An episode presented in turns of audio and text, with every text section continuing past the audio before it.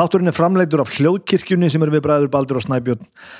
Við færum ykkur sex þætti í viku, á mánudögum er það domstagar, á þriðudögum er það kokkaflakk, á miðugudögum er það drauga fortíðar, á föstudögum er það besta platan sem og nei hættu nú alveg. En á fymtudögum þá tala ég við fólk, ég heiti Snæbjörn og ég tala við allt þetta fólk. Þetta er þátturinn Snæbjörn tala við fólk.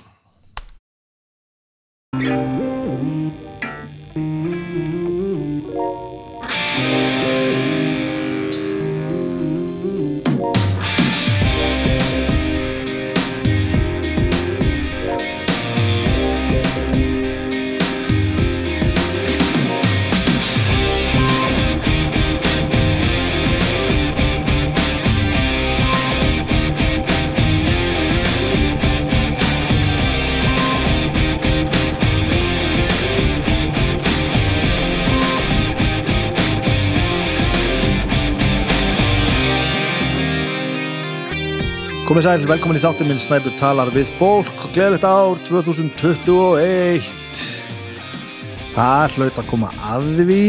Ég er endur ekki alveg þessi þessi maður sem að uh, sé allt sem svona einhver óskapleg tímamót og eitthvað. Að við getum afskrifað allt sem slæmt var upp með, með því að setja inn áramót niður hann á milli. Ég held að þetta sé nú ekki allt búið þó að það sé komið 2021 sko. Við þurfum að díla við allan anskotan samt afsakið það, ég, þetta er ekki svart sinni sko. þetta er meira bara ég hugsa ekki, ég held ég hlutin í svona tímabilum ég er um mitt spurður í vinnunni hérna bara já, já, ertu búin að setja, setja nýjársheitin strengja nýjársheitt aldrei gert á æfinni, aldrei og mun aldrei gera. Og ef ég ætlaði einhvern tíman að byrja í rektinni þá myndi ég aldrei gera það fyrsta janúar. Ég myndi alltaf gera það svona meðan mars eða eitthvað bara svona til þess að ekki að hugsa allt í einhvern tímabilum ég til dæmis ég hef einu sinni klikkað alveg að ég hætti að reykja það var þegar ég hérna setti mér einhver tímamóti, já ég ætla að hætta hérna hana áramótin eða einhver mánamóti eitthvað. Og svo bara líður nær og nær tímanum og, og maður byrja að stressast allur upp og svo þetta loksins kemur þá drullar maður á sig. Ef þetta hljómar ekki vel að ég hefi í eitt af þeim skiptum sem ég hætti að reykja. Ég hef ofta hætti að reykja, mér hérna finnst gott að reykja og ég gera það stundum í svona tímabilum. Og yfirleitt þegar ég ákveð svo að hætta því þá vaknaði ég yfirleitt bara einn morgun og svona, ja, það er nú, nú er dagurinn, nú hætti ég að reykja, það er gott. Og það er eins með, með allt svona ég, tímabilin klárast ekki á miðnatti á, á gamla árs, það er ekki þannig sko, þannig virkar lífið ekki á mér allavega.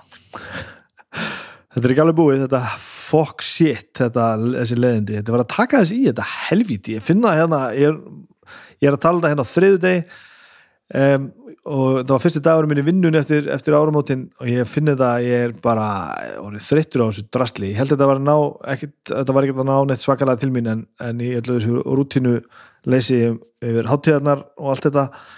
Ég, hérna, ég er bara drullu beglaður eftir þetta. Ég er enda hress og ég er gladur en ég er skýt beglaður, ég þarf að passa mig.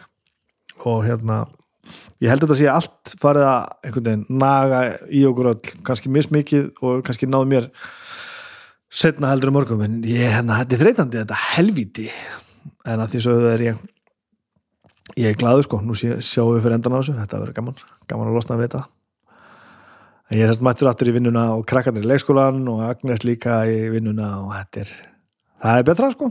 Nú þurfum við að rétta endanlega alla háttatíma á og svona svo börnum ég sér ekki galinn þegar við fara að sofa örmagna á 30 eftir, eftir daginn. Þetta kemur allt þetta kemur allt. Það er þannig sko. Ég er hérna á vinstúkunni ég, ég, ég, bara, ég er hérna miðjan dag. Ég þurfti að hlaupa og fara í klippingu hlaupa úr vinnunum og fara í klippingu hjá stjúra hérna hjá Kormungur Skildi og, og fyrst ég var hérna og vissi af hlaðvarpgræðunum hérna hjá Óla kokkaflags Óla var, voru hérna á, á vinstúkunni á lögaveginum þá þá ok, að droppa bara þar inn og er bara takkað upp þar, ég riggaði bara hérna upp mikrofón og er bara hér í bakkarbygginu að spjalla þetta hérna inn, sem er mjög gott. Mjög gott, mér er sér eiginlega halv ekstra gott, ég hef með eitt hérna eitt glas sem hann farið mér hérna. Svona aðeins til þess að leta þennan eftirmyndag þetta er alltaf maður gott. Um, já ef við ekki að tala eitthvað um fólki sem stendur í þessu með okkur, við erum hérna með uh, Flyover Æslandir hérna með okkur um, stiðja við það sem við erum að gera hérna á hljókirkjunni um, eða eru ekki búin að tjekka á því ég man ekki á undan hvað þætti það var. Það voru allavega nokkru þætti sem við hérna uh, hjá hljókirkjunni þar sem við kliftum inn á ferðina sem við fórum. Við fórum og pröfum að fara í flægi over Æsland okkur hefum við gert það áður á þáttastjórnundunum, aðrir ekki. Um, og um, við fórum hann og ég hef aldrei farið og, og þetta er furðulega gaman þetta er í alvörunni alveg furðulega gaman. Þannig að eh, ég mæli fullkomlega með því að taka alla fjölskyldur með þetta. Ég sagði ekkert um daginn þegar maður er um helgar að leita eitthvað til að gera og nennir ekki að fara í ennett bíóið eða má ekki gera hitt og þetta út af einhverjum fjöldatakmarkunum þá hérna eh, er þetta stórkostlega leið til að gera eitthvað skemmtilegt. Og ég get sagt ykkur það að ég held að það sé öruglega komið í, í síningu eða í síningu, hvað segir maður? Þið getur fara að séð uh, Fly over Canada sem að var ekki í bóði þegar við við hérna þegar við fórum. Ég held ég sé ekki að ljúa að það sé búið að, að opna fyrir það núna og ég ætla svo kælárlega að fara að tekka því. En ég fór yfir í bara þetta standard Fly over Iceland og, og hérna þetta er miklu meiri upplifun en ég held, þetta er alveg maður fær alveg pínu í magan og maður sér hlutina frá hérna, sjónarhóttni sem maður hefur aldrei séð og sér náttúrulega bara fullt af hlutur sem maður hefur aldrei séð. Og, og hérna það er mjög öðvöld að, að mæla með þessu. Þetta er, ó, þetta er ógislega gaman og þetta er ekki þvert á það sem ég held er þetta ekki einhver endalus túrista endalus túristamál. Þetta er bara þetta er bara alveg ógæðslega gaman. Það er nú þannig. Um, svo er Reykjavík Rósters Um, það eru aðeins fréttir sem ég þarf að flytja ykkur að Reykjavík Rósters kaffehús í Brautarhaldi það lokar frá og með í dag þegar þið eru að hlusta á þetta sem er 7. januar um, og lokar mögulega í heilan mánuð. Uh, þetta á að reyna að gera þetta sratt og hægt er. Uh, þetta er ekki þeirra höndum heldur þarf að uh, lappa upp á húsið. Og það er óhjóðkomilegt en á móti kemur að um, að við fáum ennþá betra kaffihús fáum ennþá betra kaffihús fyrir og, og, og fyrir vikið og, og ekki náma gott um það að segja. Þetta verður svona, já, það, þetta verður aðeins að fá að ráðast, við erum svona að horfa í það við segja, þau eru að horfa í svona í kannski svona mánuð. Og við þurfum að þreja þorrana meðan en það vil nú svo til að það er, er Reykjavík Róstes á bæði Freyjúkut og Kárastík þannig að við þurfum ekki á aðgöra því Þángaði gott að fara líka, ég fór um þetta á Kárastíðin því ég kefti, kefti jólakaffið um daginn. Fekk það malað þar sem er mjög, mjög gott. Ég er hérna, eins og ég heyri þá er ég, er svona ný staðan og fættur eftir þetta jóla allt saman, ég er með ennþá ég þarf að fara að skipta kaffegörninni í aðra. Ég er ekki búin að því. Ég er ekki búin að því sko. Eins og það er hérna átti ég gríðalega gott kaffespjall við ídu vinkonum mína. Við fórum á, fórum eittum hérna áramótunum á Akranis á vinnafólki okkar og hérna uh, tókum tvær nættur óvand, við ætlum bara að taka gamlás og, og voru það með, með annað barnið okkar, hitt fór, hitt fór norður til ömmu og afa.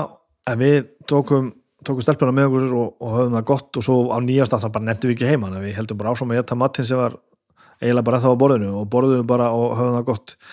Fórum út að renna á sleða og, og ég og Arnar vinnum minn við spilum Playstation og höfum það gott. Þannig að þetta var, þetta var gríðalegur gríðalegur tími en Íta nokkur hún á ansi fullordna kaffimaskinu sem ég auðvundan af sko. Alveg svona espresso maskinu sem að, sem að hérna, gerir hlutina undir almennilum þrýstingi og svona. Og, og við gáttum náttúrulega að tala endalust saman því að hún náttúrulega er í þessu sama að, að finna flöttina á því hvernig er best að mala hvaða kaffi og hvað, hversu mikið og, og allt þetta og það hérna við, ég held að við höfum ekki verið orðið mjög skemmtilega þannig undir restina, við töluðum mikið um nördalega hluti. En hún heldur bara svo gott kaffi að það var náttúrulega rosalegt, þannig að nú er ég ánum viku fyrir því. Uh, kaupa svona kaffikonu. Og kaffivél, hvað heitir þetta? svona espresso vél? Ég veit ekki. Ég geimi það þess þetta kostar aðeins. En allavega Reykjavík Rósters munið hérna það að þið getið alltaf farið og, og keift kaffið ykkar. Tjekkið líka á því, ég veit að það er rosa auðvelt að fara bara í, í maturibúðin og, og, og grípa bara með sér næsta kaffibóka en ef þið eru aðeins að pæla, það er gaman að fara í sérfislenir og kaupa ykkur skemmtilegt og að fara á Reykjavík Rósters og kaupa kaffi af því að mann langar það og gera sér ferð og lúðast aðeins, Þa, það er meira gaman að hella upp kaffi þegar maður er sóttið það. Það er gaman að gera hlutina þegar maður hafið aðeins fyrir og það er skemmtilegt að fara og og, og handvelja kaffi í sérveislun það er þannig.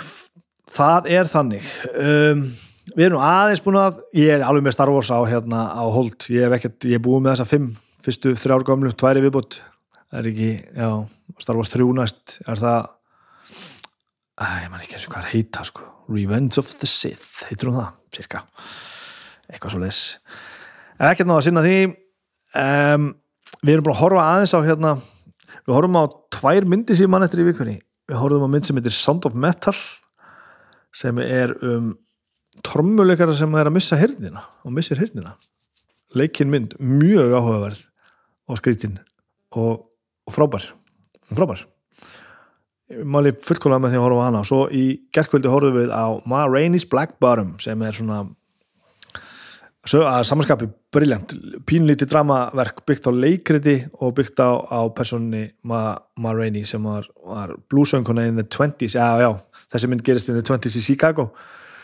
Og svona mikið um samskipti svartra á kvítra og, og, og hitt og þetta og mjög já, þetta er náttúrulega ekki leðið fyrir tónlistarlúðan í manni, þetta gerist í, í, í, í tónlistarstúdiói, mjög lítið scenarjó en, en, en sagan svo sem fjallar ekkert um, um tónlist þannig að þetta er mynd sem að bara allir ætti að sjá, hún er frábær. Og kannski ekkert síst fyrir þar sakir að þetta er síðasta myndin sem Chadwick Boseman leki sem að lek eh, Black Panther í Marvel myndunum og, og, og dó svo á síðast ári 2020 þannig að ég get mælt með því klálega þetta er ljómandi gott, hér er gott að vera vinstúkan, ég hérna, já kannski allt í lagi ég launi greiða þó að sé nú ekki ekki beint samstarf að hérna minna fólk á virtual vinsmakk vinstúkunar, það er vinklúpur sem að standa hérna fyrir Óli og félagar að þið sendi, sendi skilabóð bara ekki ennum Facebook síðu hérna kokkaflags til dæmis eða Facebook síðu tíu sopa, ég held að skipti ekki öllum áli þeir, þeir fáið allt saman. E, þá getið gengið í klúb þar sem að hérna, þið fáið eh, send, send, fáið léttvín sendt heima dyrum gegn mjög skapleiri borgun. Og eins og í mánuði samfaraða því að þið fóðið sendan, sendar hérna flöskotar heim þá e, er fjarfundur svona virtual vinsmak þar sem að við smökkum saman eina flösku af þessum sem sendar voru. Það er vilt fjóra flöskur í einu. Og, og svona verið aðeins fyrir að fara yfir þetta bæði fyrir fólk sem er lengra komið og kannski okkur nýgraðingana þetta, var, þetta er mjög skemmtilegt fyrir mig. Sko, það var eiginlega svona aukapakki millir jól og nýjós, það var freyðivín það er tvær kampaðisflöskur, svona alvöru kampaðisflöskur og þar var manni svolítið kent að drekka kampaðvín, ekki bara sem þessi brjóstsviða drikkur sem að færi fórdrykk á einhvern partíum og veit ekki hvað er og langar bara í bjór heldur svona að vera aðeins að útskýra fyrir bara hvernig þetta virkar og af hverju maður er að drekka þetta og, og, hérna, og almennt og bara léttvin af hinnum á þessum tóa, mikið að náttúruvinu náttúrulega á, á, á tíu sopum þannig að ef að þið eru svolítið eins og ég að hérna, langa alltaf að eiga léttvinin en gleyma að kaupa það og eða langa bara að fræðast um léttvin þá hérna, er þetta frábært frábært og, og skaplegu kostnæður kringum þetta hérna að gerast áskrifandi að víni hjá, hjá tíu sopum og fá fullt af félagskap og fróðleikum um leið. Þannig að þetta snýst nú um þetta. Ég verður orðin einhver svona lettvinsplebi fljóðlega ef þessu heldur áfram, það er bara þannig. Það er þannig. Um, gesturinn hjá mig núna er Stjörnu Sævar sem að já, ég held ég þurfa að segja rosalega lítið um hann, hann sér alveg um það sjálfur að kynna sig. Hann hefur svo hann hefur svo drífandi og heillandi framkomið maðurinn að maður týnir sér algerlega með honum í lúðagangnum ég, veist, ég, ég var með þess að fann að kortleika hvernig hann var, ég hlusta hann ekki mikið á útvarpið en, en hann var stundum í útvarpinum einhverja mótnana þegar ég var að skuttla börnunum í leiskólan og fara í vinnuna og ég var farin að sikt út hvaða daga það var og stilla á, á, á, hérna, á rástöðu þegar hann var að bladra þar. Og þetta er bara, við fyrir alltaf mikið yfir bara hver hann er og, og sögu hans og sliðis, það var mjög gaman. En í alls konar nördismá og hann svona, þetta kemur minnið mér fram, þetta er að tekið upp fyrir jól eh, mér minnir að koma mitt fram sko, hvernig hann er að hvernig hann næra að gera óskiljanlega hluti að færa á svona nærmanni Ma, ma, mann líður ekki eins og það sé bara einhver staðar einhver órönnveruleiki heldur færir hann svona þetta, þessa allt og stóru og fjarlæga hluti bara nær og maður nær svona einhvern veginn að tengja aðeins við hvað er að gerast sem er stórkoslegt og mjög mikilvægt. Við förum yfir hérna tvær hugmyndir sem ég hef hatt núna í rúmlega ár frá því ég flutti inn uh, heimtímin át á nesi það er þetta með, með flóðatöfluna að því ég horf út á sjóin ég vil fá, nú þurfum við þið, þetta er útlistað í, í, í viðtalinu hvernig, hvernig við sjáum þetta fyrir okkur. Ég, við þurfum einhverja útfæsla á þessu hvernig við venjulega fólki getum hérna getum verið með flóðatöflu breytilega mögulega upp á, upp á hérna eh, upp á vegg þar sem við, við, við við vitum hvernig er vona, vona flóðu og hvernig fjörur og hvað er gerast og svona. Og svo er önnur mjög lúðaleg hugmynd sem kemur fram á því viðtalinu líka. Að ef einhver er, í stöðu til þess að hjálpa okkur til að útfæra þetta á einhvern, hérna, einhver, einhvern svona aðgengilegan hátt þá, þá erum við örgulega, ég og Sævar báðir til í, í samstarf og samtal um það það var frekar gaman. En nú ætla ég að, þetta, að bladra þetta spjalla þessu Óla, uh, leif ykkur hlusta á mig og Sævar og, og njótiði vel, þetta var fjandi gaman, þetta er fyrsta viðtalið sem fyrir loftið eh, 2021 og þetta var síðasta viðtalið sem ég tók árið 2020 það eru tímamótin maður. Það er bara hlutis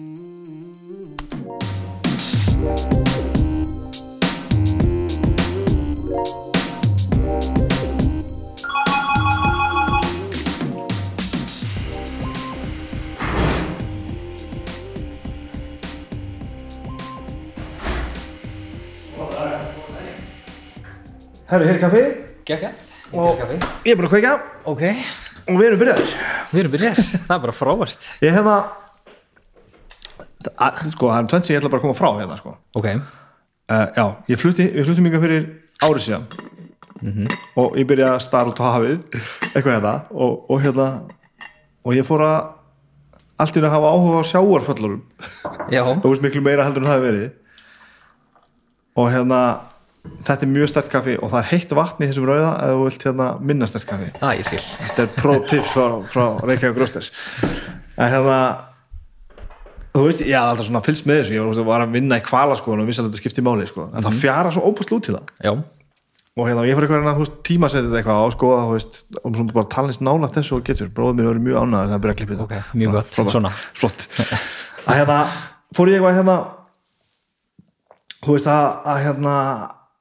að að, að að kortleikina sko, af veikum mætti.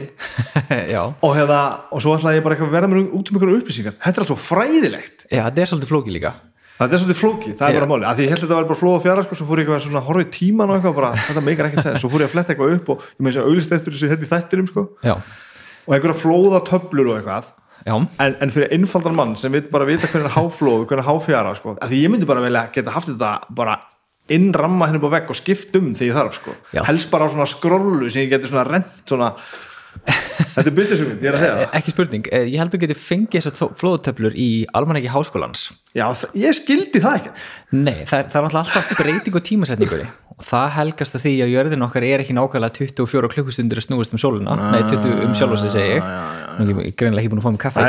Það er en hérna, og svo er tungli líka ferðalega í kringum okkur og að því það er ekki nákvæmlega mánu þá er hérna skekkja sem veldur því að, tímasetning flóðs og fjöru breytist. Og við náum ekki alveg nákvæmlega tveimur flóðum og tveimur fjörum á einum og sama sólurringnum heldur verða þarna skekkja fyrir vikið. Og það veldur því að flóði, eh, tími flóðs og fjöru breytist. Og rótrast það svo bara, fer það svo bara ringin og, Já, og svo fylgist þetta svolítið takt við þá bara hérna, hvar tunglið okkar er hverju sinni að því að þegar að tunglið og sólinu er nokkurn veginn beinni línu þá magnast upp áhrifin að því þá leggjast áhrifin frá tunglinu ofan á áhrifin frá sólinu þetta er annað sko. er ég þurft að hafa þetta líka á töflunni sko, hversu mikið þetta verður, því ég horfi hérna út sko, svo, að það fjara svo langt inn út það gerir það. að ég sé svo mikið ég sé svo mikið sko.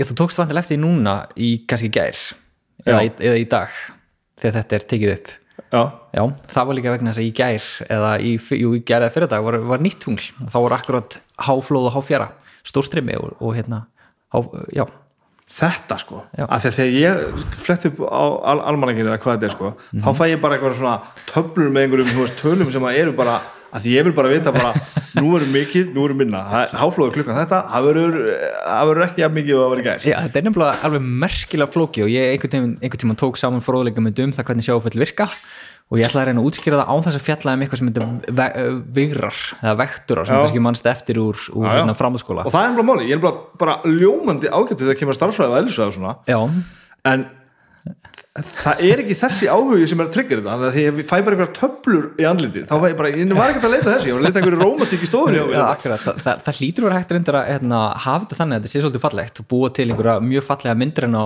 útskýringu á þessu.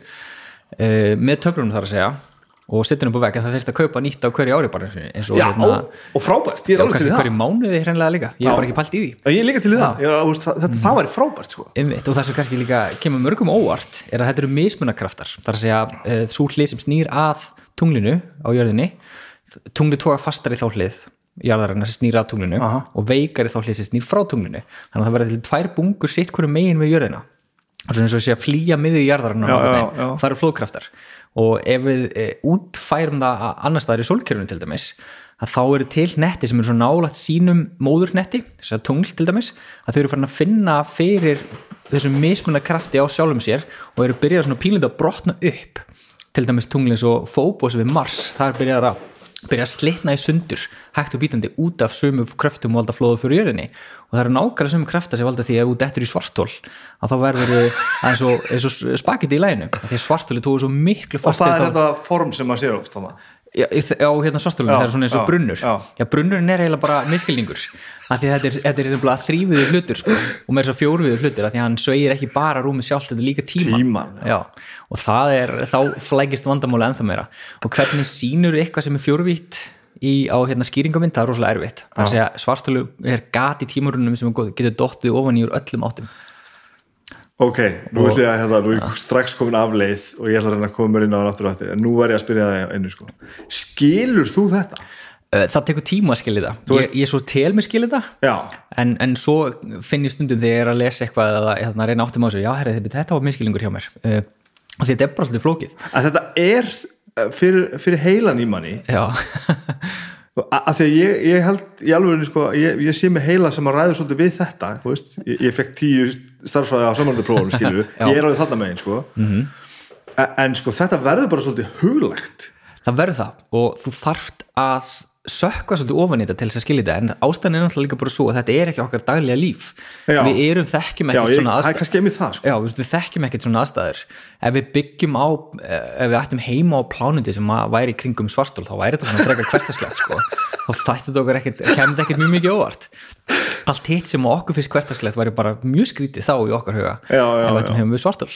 Það sem tíminn líður hægar og ef við horfum út og þá sæjum við allt sem að gerast miklu hraðar í almennum heldur en við gerum á jörðinni af því að tíminn í okkur hægir á sér en, en hérna hann virkar þá líða hraðar aðeins fyrir utan.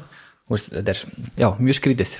Já, og þannig er við fann að bara- beigja svo mikið raunveruleika sem maður þekkir. Já. þannig að þá þarf maður bara svona að fara, að aftengja allt sem maður hefur sko, hefur innprentast í mann frá því maður fættist og bara að fara að hugsa eitthvað til hlið Akkurat, og þá er ofta að segja bara, já, ok, e- þetta er eðlisfræði og, Og svona er þetta. og bara. Ég vekt um það að segja, það er enga skoðun á því. en það, þú veist svona, sko það við komin svolítið að rótinni sko. Að því að ég skil sko flóð og fjöru og það er svona svo þessi búið að segja okkur hvernig það virkar og við, svona, við, við erum bara frekar góð með það sko svo þegar ég einhvern veginn kem hérna fram úr mótnana og horfi hérna á svanina og eitthvað og, og, og er eitthvað að velta fyrir mig lífinu eitthvað Já. fer svona aðeins dýpræði það og reyna að leita mér einhverjum upplýsingum þá taka bara fræðin við sko. það er svo sé ekkert svona grátt svæði það sem að svona, ég fæ að vera svona pínunörd Já. og kannski að fylgjast aðeins betur með og kannski af hverju það er að gerast heldur bara, já, vektorar og flaflar og ég bara, Hann gerir það sko, en þú, það sem getur gert líka er að það er að tímasetti það þegar þeir sýnist flóði vera hæst Já. og bara gera aðtöðanir sjálfur þá sérðu að það er einhver ákveðin regl í þessu og þá, þá getur þú notað þetta í smá tíma til þess að reyna að spá fyrir um það hvenna næsta flóð og hvenna næsta fjara er og þá þetta er þurfti náttúrulega ég bara að það sem að sitja út á svölum allan, dag sko. Já, en sjá hvað þetta er fallegt Þetta er frábært, bara sko. menn, menn hérna gerðu þetta í alvörinu vegna þess að þetta skipti höfumáli þegar ætla að sigla fara á landi og fara að veiða Já, já, bara já. hérna heimintunglin styrðu lífi okkar og ekki bara það heimintunglin hafa valdið því að lífið steig upp úr sjónum einn daginn. Já. og hafa orðið til þess að við erum hér. Og líka f- hérna tungli okkar því að flóð og fjara gerir ímestlega þannig ég geti talað um flóð fyrir allan dag. Flóð, flóð og fjara gerir annað þar sé að sjórin hann skvettist svona fram og tilbaka þá myndast núningur við hérna föstu jörð. Og þessi núningur sjáar eins við hérna föst, föstu jörð veldur því að jörðin hægir á sér. Þar sé að dagurinn okkur er að lengjast og hefur verið að lengjast alveg frá þegar tungli var til út af akkur þessu þannig að líkamsklukka okkar sem er stilt inn á næstum því 24 klukkustundir er bara vegna þess að sjórin hefur verið að nuttast við jörðina frá því að tunglið myndaðist fyrir fjórum rúmum miljardum ára. Og það leði til þess að við höfum 12 stunda hérna, byrtu og 12 stunda myrkur svona nokkur negin Já. og erum hérna háð svolítið þeim gangi bara út því að tungli stýrur þessu. Og það er svolítið fallegt Já, það er, og, þarna fæ ég bara þarna sagður við eitthvað á mannamáli sko. Já. og þá fæ ég bara þetta er að sem ég hef heyrt sko. Akkurat, og hérna, þetta er náttúrulega það sem að kannski vinna mínu líka snýst um, eða kannski mér bara mitt líf svolítið, þannig að mér finnst þetta sjálfum svo innilega áhugavert Já. og merkilegt og setja okkur í eitthvað svona svolítið stort samingja því við erum nú frekar lítil þegar við erum búin saman við jörðin okkar, að þá hérna verður þetta oft svolítið þurfum að sofa ákveðið langt og, og við vöknum ákveðum klukkustundum. Það er bara vegna þess að það er þessi röll stýrt af einhverjum þingdarkröftum sem verka á milli sólar, tungs og jarðar. Já, þú, þú, þú, þú virðist ná þessu sko að þó að þú sett supernörd og, og þú veist, þykist skilja, skilja svartólil í fjór, fjórvít sko. Já, þú veist. Ég skal reyna þa- þetta komur samt að því að þú hérna fattar að við erum ekkert öll hafna sko nei, nei, og við þurfum ekki að vera þarna. Alls ekki. Það var, heiminu var mjög leiðilegur Já. allt var eins og ég en að samanskapi væri rosa gaman að fá sko uh, það væri rosa gaman að vera hægt að brúa þetta aðeins sko. Já, veist, eins og þetta. Ég væri rosa til í flóðatöflu sem væri fallega uppsett og mér þetta er gaman að hafa henni á vegg sko, eh, sem myndi segja mér eitthvað aðeins meira heldur en bara hvenar er flóð og hvenar er fjara. Bara hvenar er háflóð og af hverju sko. Þetta er svona að segja með sko, tunglið og sólina þá er heilin í allir bara ég skil þetta sko. Akkurat. Ég, ég er alveg sammálaðir uh, oft hins vegar, hérna, þá kannski vantar líka kennarinn til þess að segja þetta. Og það fer eftir hvernig kennarinn segir hlutinni hvað, hvort þið finnst það merkilegur eða ekki. Já. ég hefði getað sagt þér þetta með uh, hérna, það hvernig þetta er tengt lífinu og þróun lífsins á jörðinni á mjög þurran hátt. Já, já, já.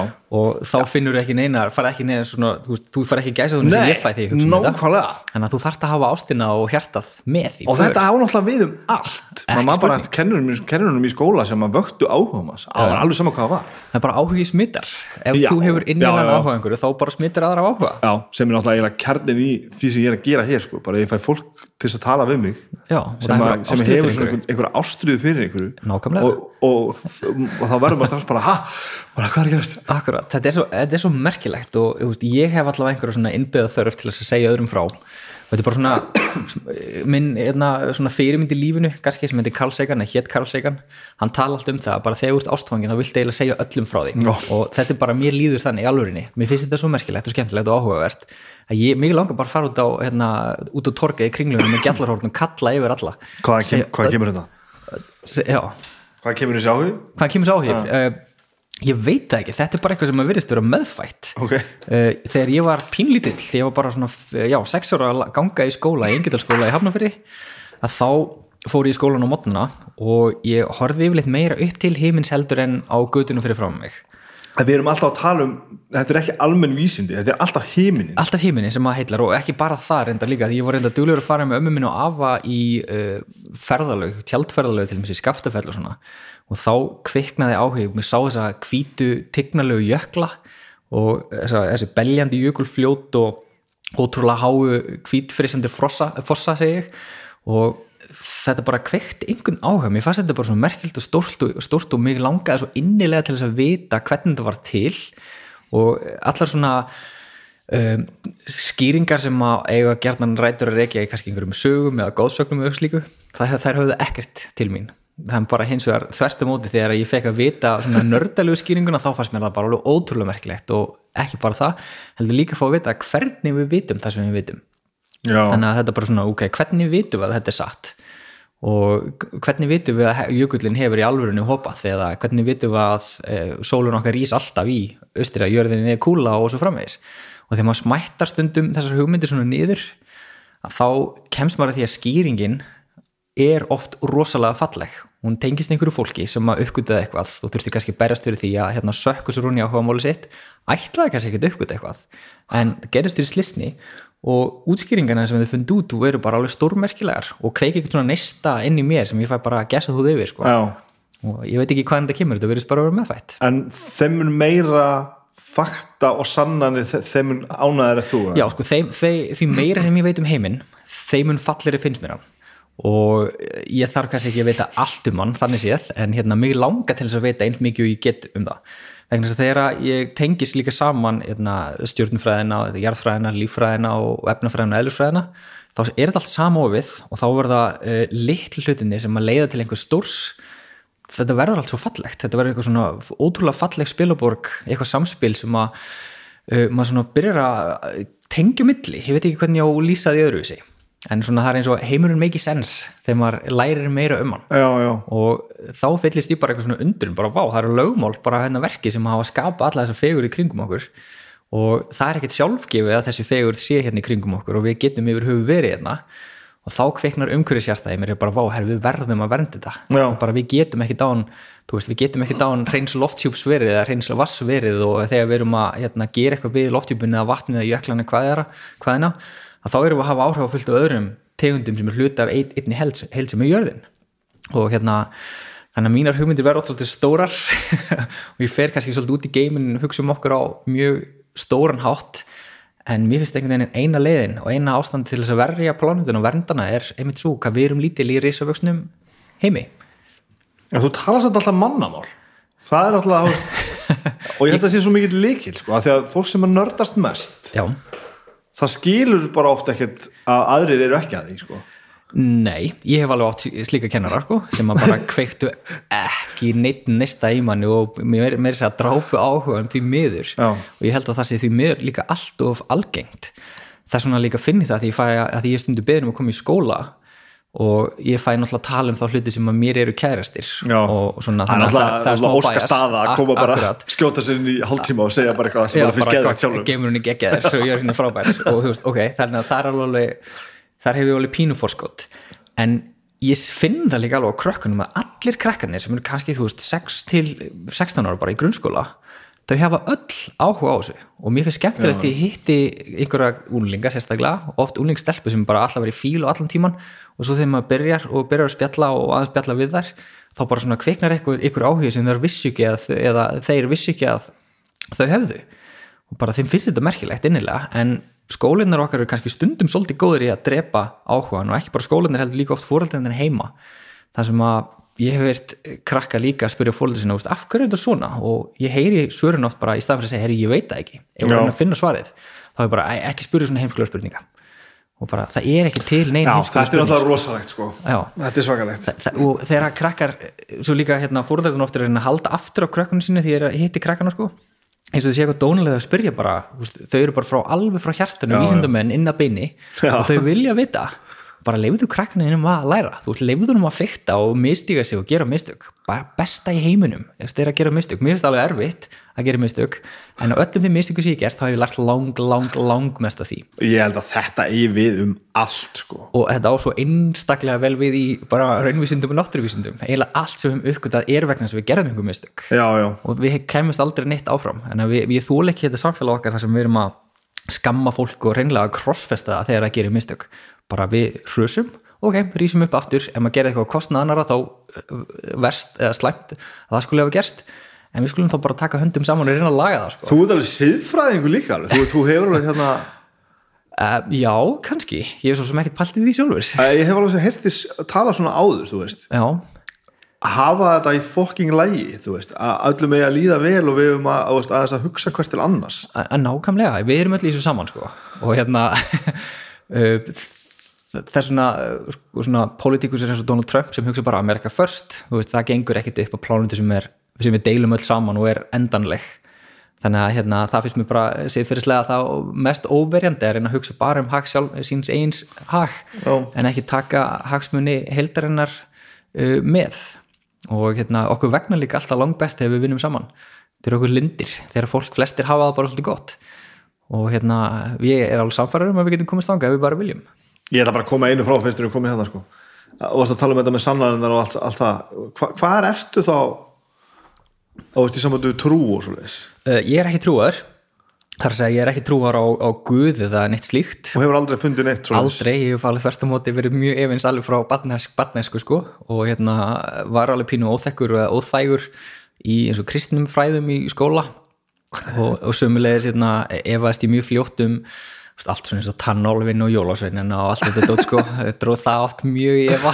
Bara hmm, hvernig getur einhver ferðast um allt Ísland einni nótt og gefa öllum börnum í skóin Já, þú hefur bara verið já, já, það var því að lítill. Þannig að það er bara kannski einhver svona lógik í kollinu sem maður veldi því, kannski er maður pínur svona hérna vulkani inn, inn við beinið ha, bara hérna lógik eða ekki. En, en samt sem maður, það er einhver svona romantísk taugi um hann líka. Og hérna ég held að svo blanda sé kannski svolítið svolítið fín, þar sem maður getur sett uh, hluti í starra samingi tala á kannski fyrir eitthvað romantískan háttum þar sem manni finnst fallegt mm. í stað sem vera þurr og hérna, aðeins of mikið lógiskur á, á mannin eins og stundum getur orðið já, já, já. Það, og, og kannski erum við svona að tala um það þegar við tala um vísindafólki sem, að, sem maður horfir í auguna og bara ok, þetta er bara ofsatt sko. já, já, já, já, ég heiti Mart Solis, við eigum líka alltaf að sína auðmygtum það við getum haft rámt fyrir okkur. Já. og ég hef bara líka lært það í gegnum tíðinni, ég hef haft svo ótrúlega oft rámt fyrir mér að hérna bara þegar ég efast stundum allt og mikið kannski um eiginskoðanir. Og uh, það þykir ókostur um að er að hugsa um pólitík. Af því að það er litið á það í, í pólitík eða stjórnmálum oft sem digð það hérna ríkhalda einhverju skoðun alveg fram í rauðan döðan en þegar maður skoðar hvernig vísindafólk haga sér svona uh, bara vel þengjandi vísindafólk þá skiptir þeim skoðunum leið og sannanir beina, ja, beinast í aðra átt. Já, Þannig að til hvers að þú veist, til hvers að ríkhalda í einhverja hugmyndum það að jörðin sé flöt móttæmi en hérna þegar allar sönnir í kringum okkur segja eitthvað allt, allt annað mm. þá er það bara í mínum huga afskaplega heimskulegt. Bara skiptir um, skiptir um skoðun og það er ekkert vissin en þetta með trúna finnst þú ekkert þurfa að halda í eitthvað? Alls ekki, mér finnst nefnilega bara heimurinn svo rosalega fallegur og, og tilkomum mikill og hann kannski gefur mér líka þessa, ég veit ekki, svona einhverja andagift eða ég fæ kannski sko, þegar fólk tala um trúar, trúarlega reynsli þá lýsir það einhverju svona ákveðin bara svona, ég fyllist einhverju lotningu eitthvað svo leis og það er bara, já, ég finn alveg fyrir því en ég finn fyrir því þá þegar ég horf upp í heiðskerjan stjórnbjörnstan heiminn einhvers staðar út í eðumörk þar sem ég heyr ekki neitt nema í, í loftinu eða einhverju lífi í kringum mig. Horf upp í auðnina og þá fæ ég veist, gæsa húðina og, og veist, ég hef alveg komist við þar alveg sem ég kemst yfirleitt við þegar ég horfa á, hérna, á sólmyrkva, almyrk og sólu. Uh, og þannig að kannski fæ ég bara þessa já, ég veit ekki hvernig orða svona næringu sem að andlegu næringu bara því að velta heiminum í kringum mig fyrir mér. Mér finnst hann rosalega fallegur mér þykir væntum um lífið og fyrir mér er það alveg nú sko. en fyrir mér líka þá þess að ég lærið mjög fljótt um hérna, þróunukenningu Darwins og þegar ég lærið hana bara all líf var af einum meði, einni rót þá fannst mér það bara einhver fallegasta útskýring á tilur alls í kringum okkur sem ég er nokkuð tíma heilt bara vá, þetta þýðir, þú veist að trén og grasið eru skild mér mjög fjarlæg mjög fjarlægt og hundarnir og, og kindnar og hérna, þú veist, risaðalöfnar og ég veit hvað, hvað, við erum öll ættingjar á einni og sömu plánutunni sem öll deilum og hagur okkar er að leifa öll í sátt og samlindi og þú veist, já, frábært gerum það. Þú ert okkur svona vísinda Disney mynd einhver, þetta er frábært. Já, en við minna, ok, það kannski, kannski er það en allavega, ég hugsa svona, sko. Já. kannski er það mjög næf og köflum en hérna, það er kannski ágætt að leifa stundum í afneitun. En hvernig, hvernig þú veist með þörfina fyrir þú veist lífið til döðar og allt saman? Te- Uh, tekur ég hef enga þörf fyrir það. Og já, þá því því ég lærði það líka mjög snemma veist, ég vildi, þetta er svona dæmum hluti sem en ég hef ekkert sem bendi til að þetta sé satt. Og þá bara, sorry, ég get ekki trúa því þegar ég hef ekkert fyrir mér að það, eða enga sannanir fyrir því að það sé lífið fyrir döðan og uh, já, eins mikið og ég vildi en þá hugsa ég líka bara þenni, ok, þá er eins gott að nýta þetta líf til fulls. Og þá er eins gott að nýta það að strákurinn sem ég er bara það dýrmætast sem til er í öllum heiminum. Og barnabörni mín í framtíðinu og svo frammeins og náttúrulega börn allra hinna líka í kringum okkur.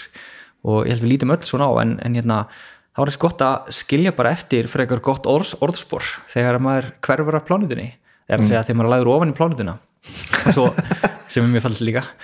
En, en hérna já, að því hvað gerist þá þegar maður lagður ofan í plánutuna þá hérna byrjar maður að rotna náttúrulega og maður rotnar út af bakteríum og, og mö- möðkum einhverju slíku sem að koma og nærast á leifunum af manni.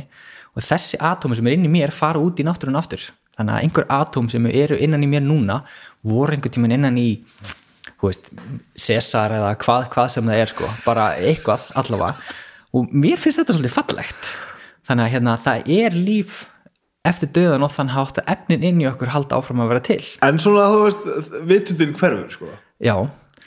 Uh, vitundin mín hverfur en vitund ástvinna mína af mér Já, já. hún hverfur ekki fyrir að þau eru horfin fram af, af horfin af sjónusviðinu og uh, mér fannst einmitt svolítið fallegt líka þegar Andri Snær talar um í bókinni sinni um tíman og vatnið mm. um það hvernig tíminn tengir okkur saman við alveg rosalega langt tímabil á okkar mælikvarða en mjög stutt á annan mælikvarða að þá snertum við ótrúlega mörg ár í lífu okkar. Og það er rosalega dýrmætt líka. Þú hefur áhrif alveg fram á næstu öld sem er þú veist eftir 8-10 ár samt hafa áhrif á einhverja einstaklinga sem verða uppi þá og þeir hafa áhrif á einstaklinga sem verða uppi á öldina þar á eftir og svo framvegis þetta er samt pínu hættulegt hugafar sko. já, að því ég hef, ég hef velt þessi fyrir mig sko. -hmm.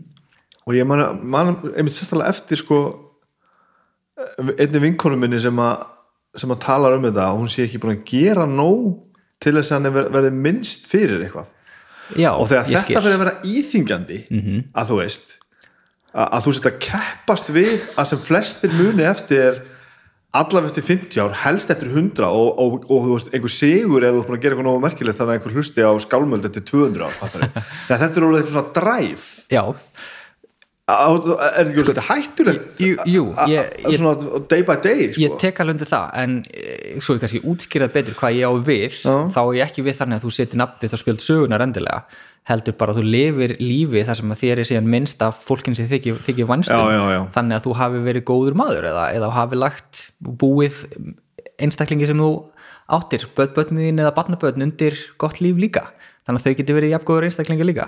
Ég hef til dæmis, eh, mér finnst ágætt reyndur að horfa að því að hérna Einstein til dæmis, hann var bara 25 ára þegar hann byrti afstæðskenningunni sína. Fokk, shit, það er svo ævintýralegt. Akkurat, og sko 25 ára og svo hérna fullt af öðrum svona vísindamönnum í gegnum söguna voru frekar ungir þegar þeir gerðu sínar merkilegustu uppgötanir og þá sem bara, jú, ég bara ég get ekki á orku neinu svona sko, með þess að gæja. og, og tónlistar mítan er svona líka sko. Já, já, en þetta kallar, þetta er samt alveg rétt þetta kallar kannski eitthvað óeðlilegt drif í fólki sem að maður ætti kannski stíu bara hans til hliðar og bara segja, skiptir þetta samt í alvörunni öllu máli.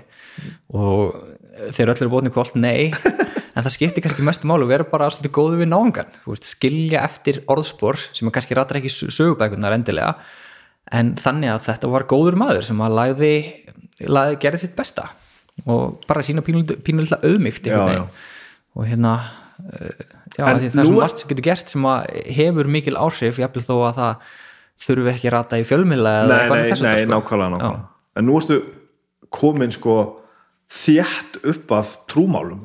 Já, já, sem er svo frábært alltaf. Þegar maður- fólk byrjar að tala um svona hluti þá veist, það er svo auðvelt að stökkva bara á trúna og segja að þetta sé það sem hún er að bóða en í rauninni kannski trúir ekkert annað heldur bara einhver útgáfa af, af þessu sko.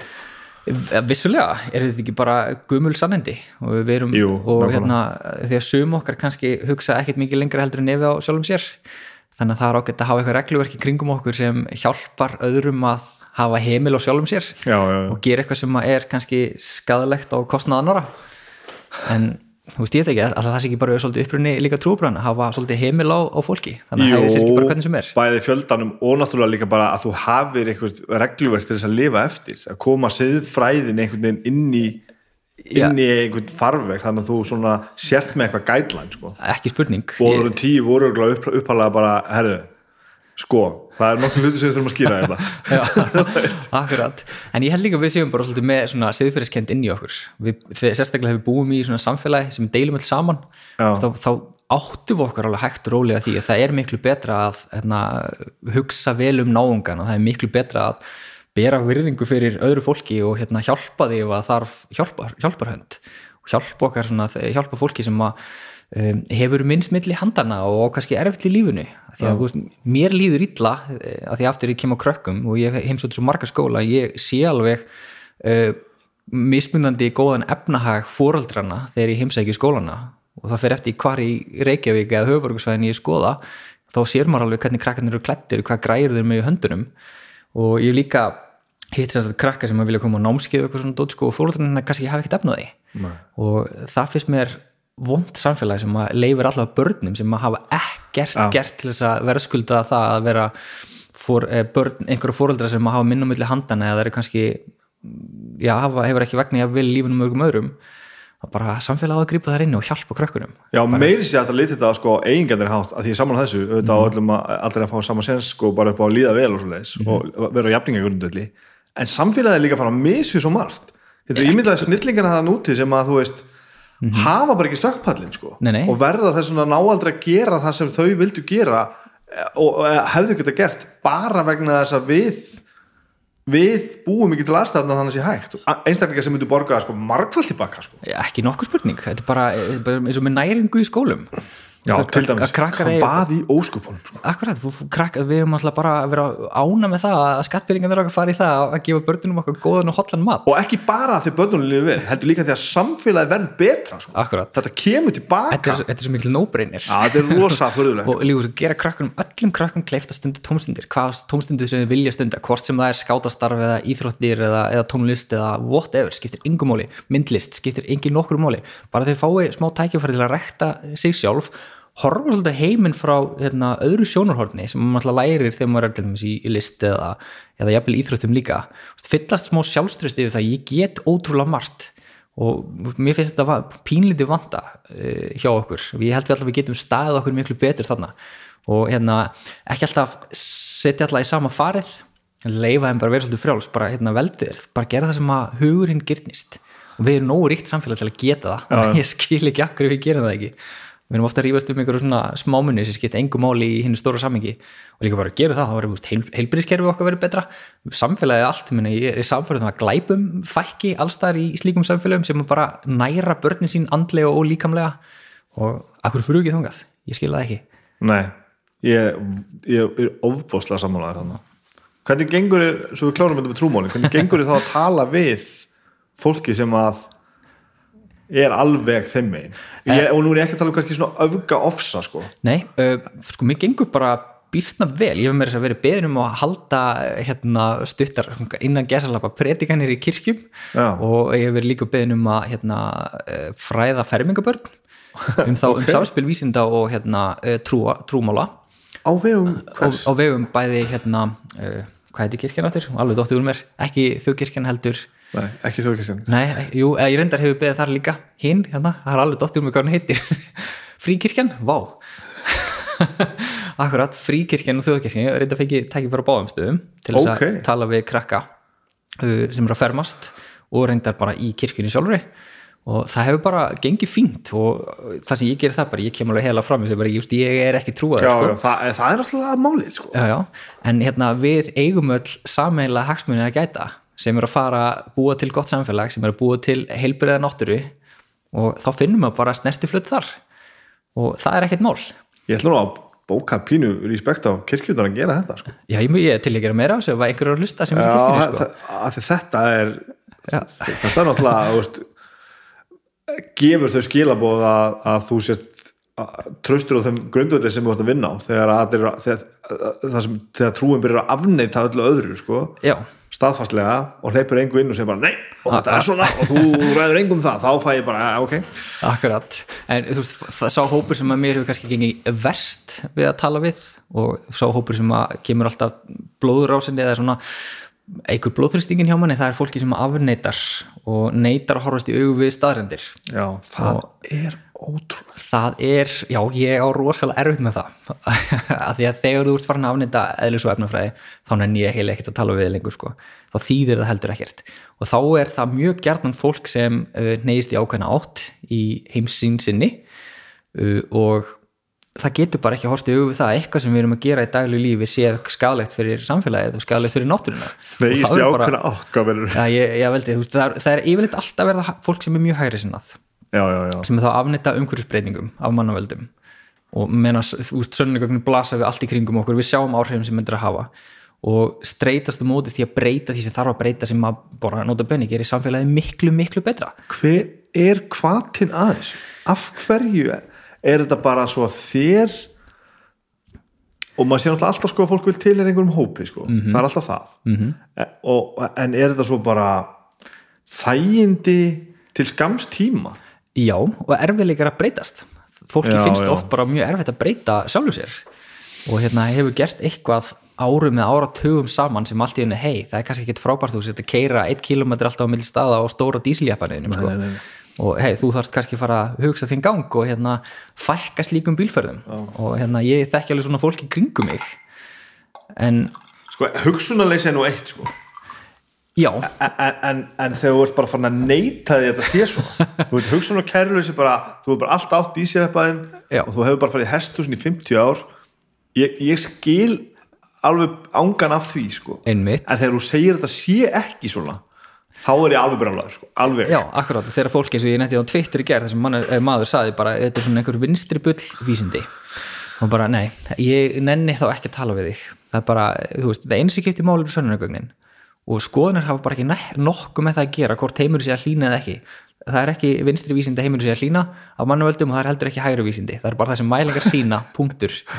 Og eh, þegar við skoðum fingraförin þá er það okkur að kenna flott, þetta er vandamál, hvernig ætlum við að leysa það en rökin eru hvað? að þú sért hreinlega bara að ljúa Uh, já, ég verið hérna sakar um að vera tilera elitinu, loftslags elitinu, vinstri og loftslags elitinu sem vil breyta hérna samfélaginu úr kapitalísku sjósilíst sem já, bara já. alls Að ekki það sem vil gera að sko. það séu rökin já. Það- já, það séu að nota þetta sem vopn til Já, þess að, til þess að koma einhverju ákynni heimsmynd á framfæri og nei, það er ekki Já. þannig það er bara þannig að mig langar ekkert að sjá sjóun súrna með afleðingum fyrir hérna kalltmyndandi lífurur mér langar heldur ekkert að sjá uh, orangútan að degi út af því að við viljum búa til svo ódýrt bakkelsi að við þurfum að borga sem minnst fyrir það.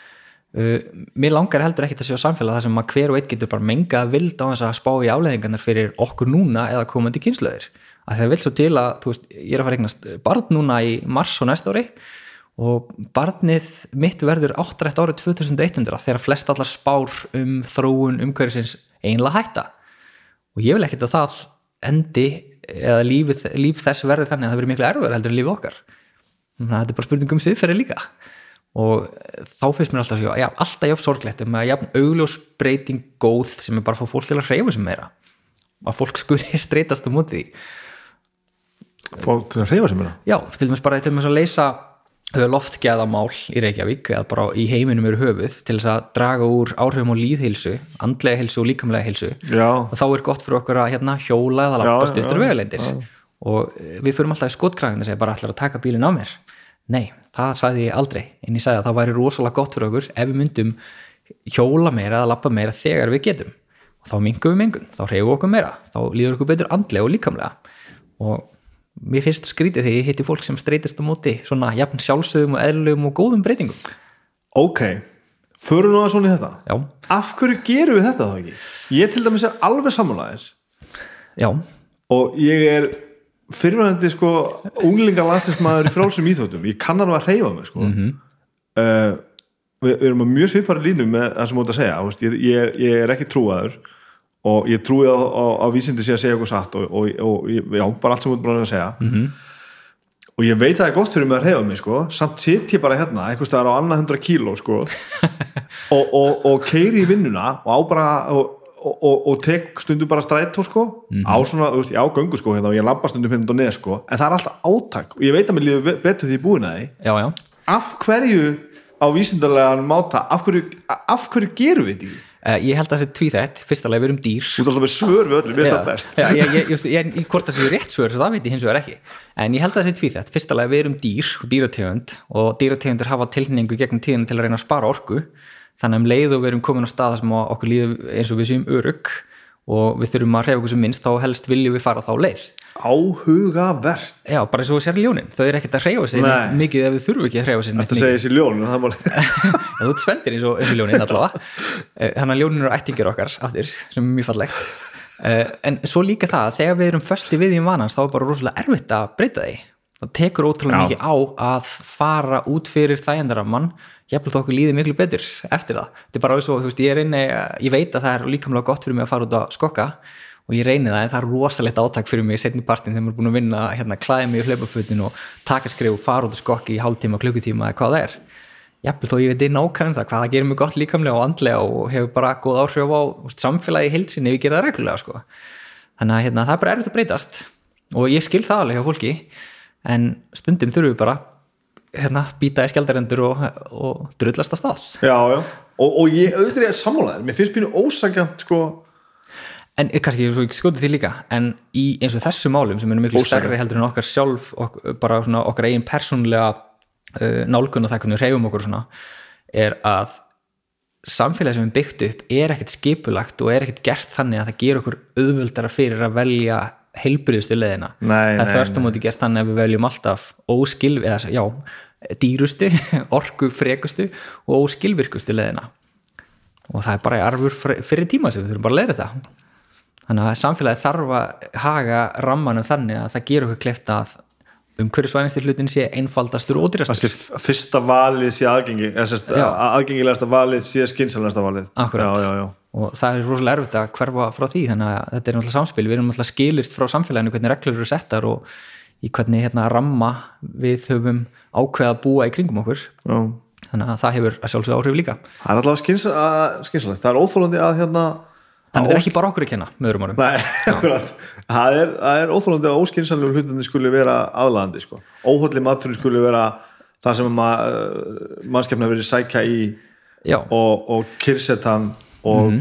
og ósangjörn þægindi og allt þetta já, já, það, það, og það er bara arfur frá þróuninni vandarlega, þú veist, Já. lífið hefur, við erum náttúrulega svo stutt liðið síðan við komumst inn í svona samfélag allsnekta, þar sem við þurfum aldrei að spáði það að verða hungruð við sáum bara súkulegast ekki með fullt af orku. Það er hérna fita og sigur, geggjað frábært. Líka um vil fá eins mikið af því. Já, til já, að sapna sér forða og hérna til að eiga fyrir mögru árin eða ma- magra tíman sko.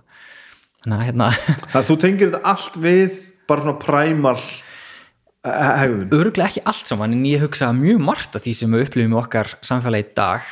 Mörg vandamál séum þetta vegna þess að við erum bara dýrategund sem þróaðist og hérna, það er svo stutt liðið frá því að við vorum í þeim aðstæðum að ve- verða hungruð og, og hérna, þurfa að reyfa okkur rosalega mikið og fara enn, já, sparlega um orku svona, þannig að við þurfum einhvern veginn að berjast, því og það er erfitt. Berjast, móti eðlinu er mjög erfitt. Já það er, það er alveg fókt upp sko. og, það, og svo margt sem að einhvern veginn Þetta er margþætt, en það gerir þessi vandamál líka svolítið skemmtileg og áhugaverð uh, að reyna að leita á lausnunum sko. Er þetta, þetta er allt svo samofið. Þetta tengist allt saman, þetta tengist líðheilsu okkar og andleri heilsu, eða líkamlegri heilsu og andleri heilsu. Og þar alveg tengist þetta hvernig við förum með hlutin í kringum okkur, hvernig við hugsaum um börnin okkar. Hvernig við hugsaum um fullorðna fólkið, hvað við borðum. Hvernig við förum með dýrin. Og þannig að hérna, þetta er margs að vinna að laga þetta. Já, já, já. Upp á hljómsætti mínu heimunum heitir, heitir Badar Leitsson gamalt e- hérna, amerískt pönkband starfandi í 40 ár. Byrjuðu sérst, nafnið komið bara þegar þeir vor, vildu stó, stuða fullanda fólki og bara að trú var í slæm. En, en svo þróast þetta miklu lengra. Þetta er náttúrulega bara mjög fullandi menn í dag sko. Já, já, má þróskast og svona. Já, já, og, og, og, en sko standa svo sem svolítið á sama stað, sko, svona trúlausir engir öfgamenn, mm. söngvarinn Greg Graffin er doktor í hann er líffræðingur sem sagt. En hann er sko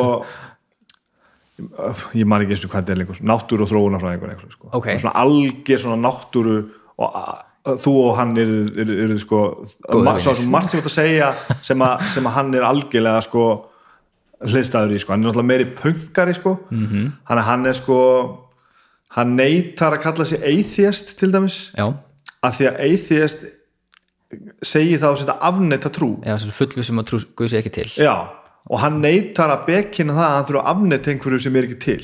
Aha, hann hafi taka trúna alveg út úr hann að kalla sér agnostik þá? Nei, Ekki heldur. Hann er bara, bara nat naturalist, hann er bara náttúrulisti. Ok, okay. agnostik er einhver svona Eva. Já, svona veit ekki, bara veit Já, ekki hvort nei, það er ekki það sko, Já, hann vill bara ekki sko, atheist fyrir húnum er það að sé fyrst hafi trúin komið og hann hafi þetta afnetinni Já, já. hann er ekki til í að hafa þetta millistig að það sé einhver trú. Ok. og ég er að líta hann eins og hérna meiri svona uh, durt en hann er, af því að hann er mjög svona svona, svona hérna hófsamur bara. Já, og bara nörd og bara svona, þetta er ekki mjög að því að punkband hann er alls ekki einhver sem þú myndir sjá sem punkara, hann er bara í, í pólóból með gleru með svona tegju að syngja á, á sviði sko. Ok, mjög skemmtilegt. Stórkostlegt band sko. og, og, og bóðskapurinn eh, vill svo til að hann, hann henda mig líka ótrúlega vel þó ég hafi fattað eða eftir á. Og Já, ég skil. Ég er búin að lesa sko ritgerðan hans og, og bækundin sem hann skrifað en það er ein bók sem hann skrifaði ekki en er, og ég man ekki hvað hann heitir en það hérna er það svo langt sko að ég, skiptir ekki öllu máli bara, hann heitir, já, hann heitir sérst Greg Graffin eða ég vil tekka því. Og það er sérst svo bók er gefin út af manni sem er prestur í einhverju litlum söfnuði og er fyrir einhverju hluta sakir aðdáðandi Bad Religion sem er mjög áhugavert. Og hann sendir sagt e-mail til Greg Graffin ekkert mm.